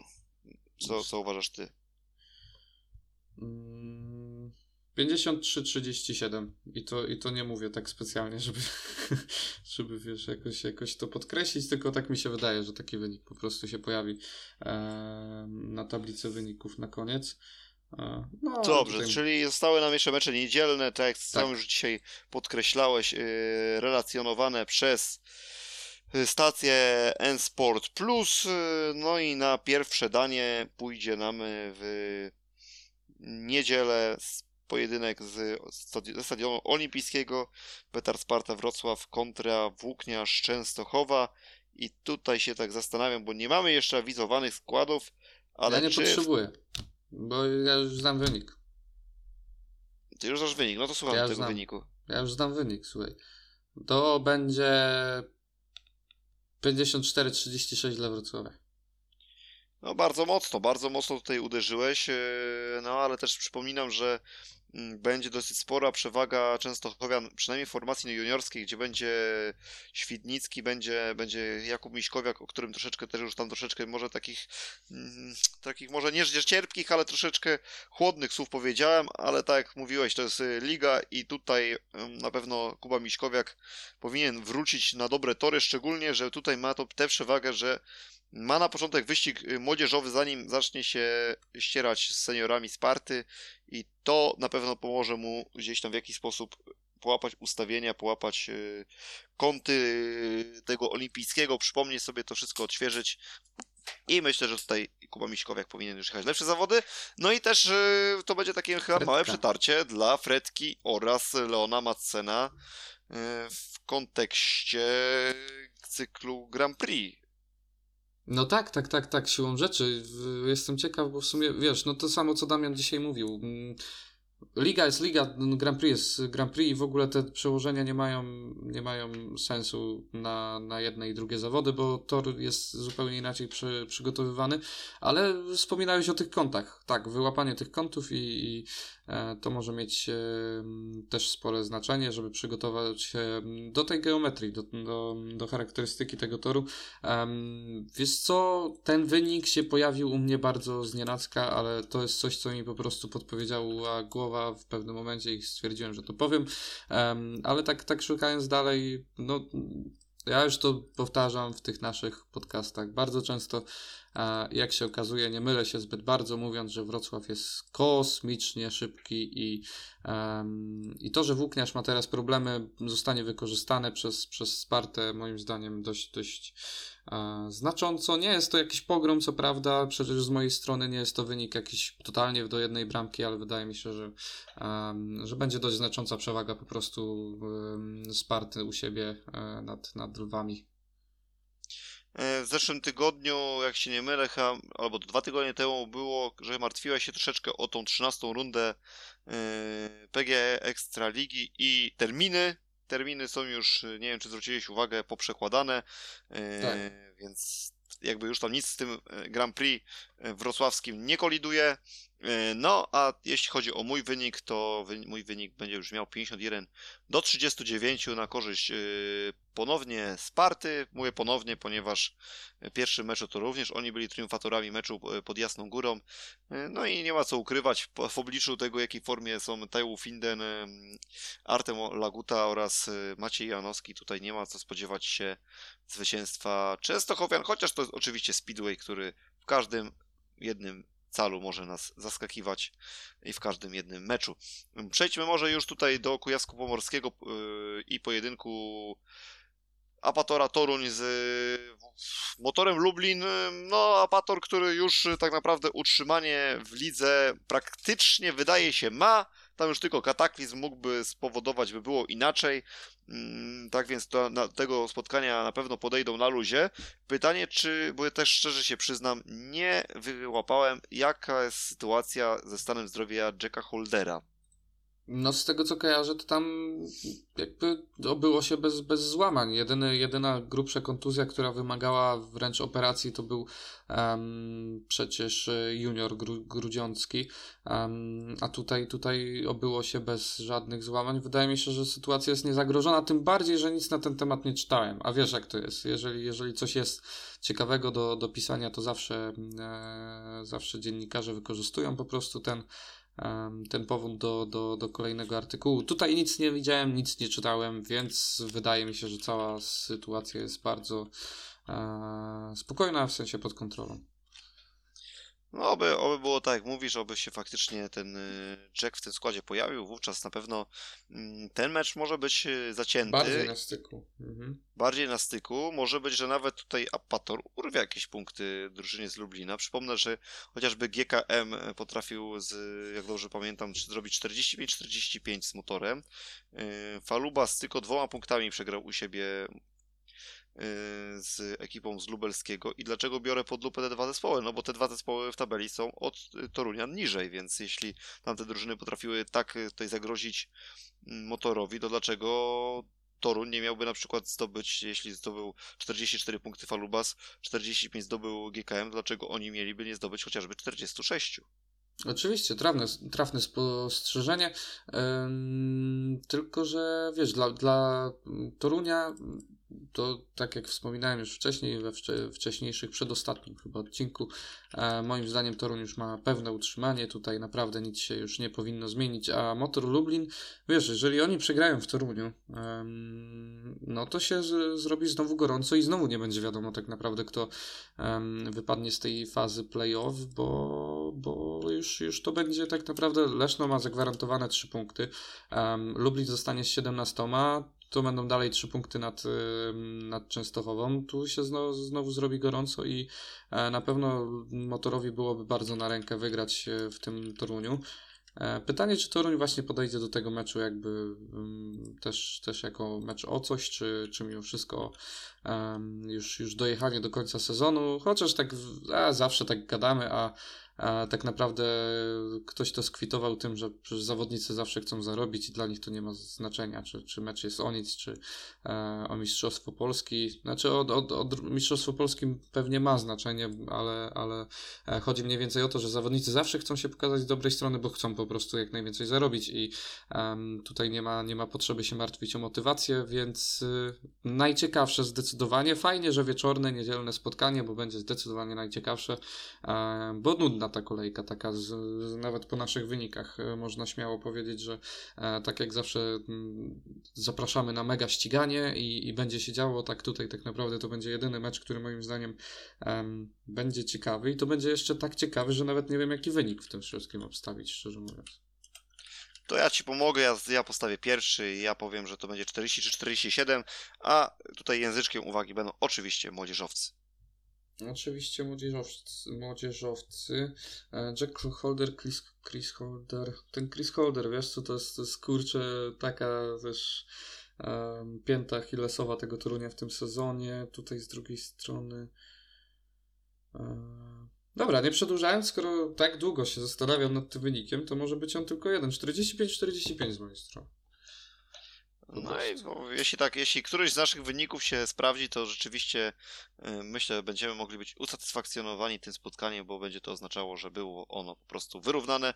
Oby było wyrównane nie tylko w, jeśli chodzi o wynik y, na tablicy rezultatów, ale również jeśli chodzi o zdarzenia torowe. Nie mamy tu oczywiście na myśli jakichś, nie daj Boże, y, karamboli, upadków i tym podobnych, tylko żeby po prostu było dużo mijanek, dużo ścigania, żeby, jak to pan Dryła mówi, można było zabierać na te zawody kanapki. Tak więc yy, z mojej strony myślę, że jeśli chodzi o ten odcinek, Damian, to już byłoby tyle, chyba że jeszcze chciałbyś jakiś temat poruszyć, to oczywiście chętnie go z tobą przedyskutuję, ale wydaje mi się, że już dzisiejszy odcinek jest na tyle wyczerpujący i długi, że nie ma co naszych szanownych słuchaczy tutaj jeszcze dłużej przetrzymywać na naszym y, kanale. Oczywiście bardzo się cieszymy i dziękujemy wszystkim, którzy tutaj dotarli, którzy nas dzisiaj wysłuchali.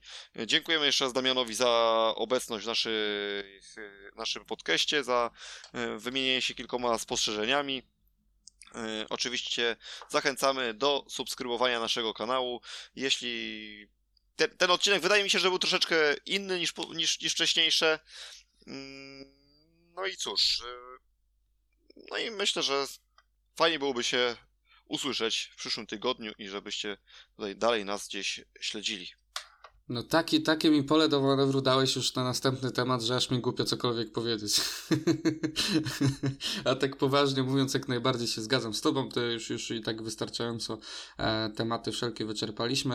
E, tak jak mówiłeś, wręcz zacytuję piosenkę em, hymn męskiego grania z 2019, jak dobrze pamiętam, że tego życzymy sobie i wam, e, emocjonującej kolejki, szczególnie tego ostatniego meczu. Em, I dzięki wam wielkie, że, że byliście mm, i, i e, zapraszamy za tydzień. Na pewno e, jakieś, jakieś nowe materiały uzbieramy, więc dzięki, dzięki wielkie i hejka, trzymajcie się. Cześć!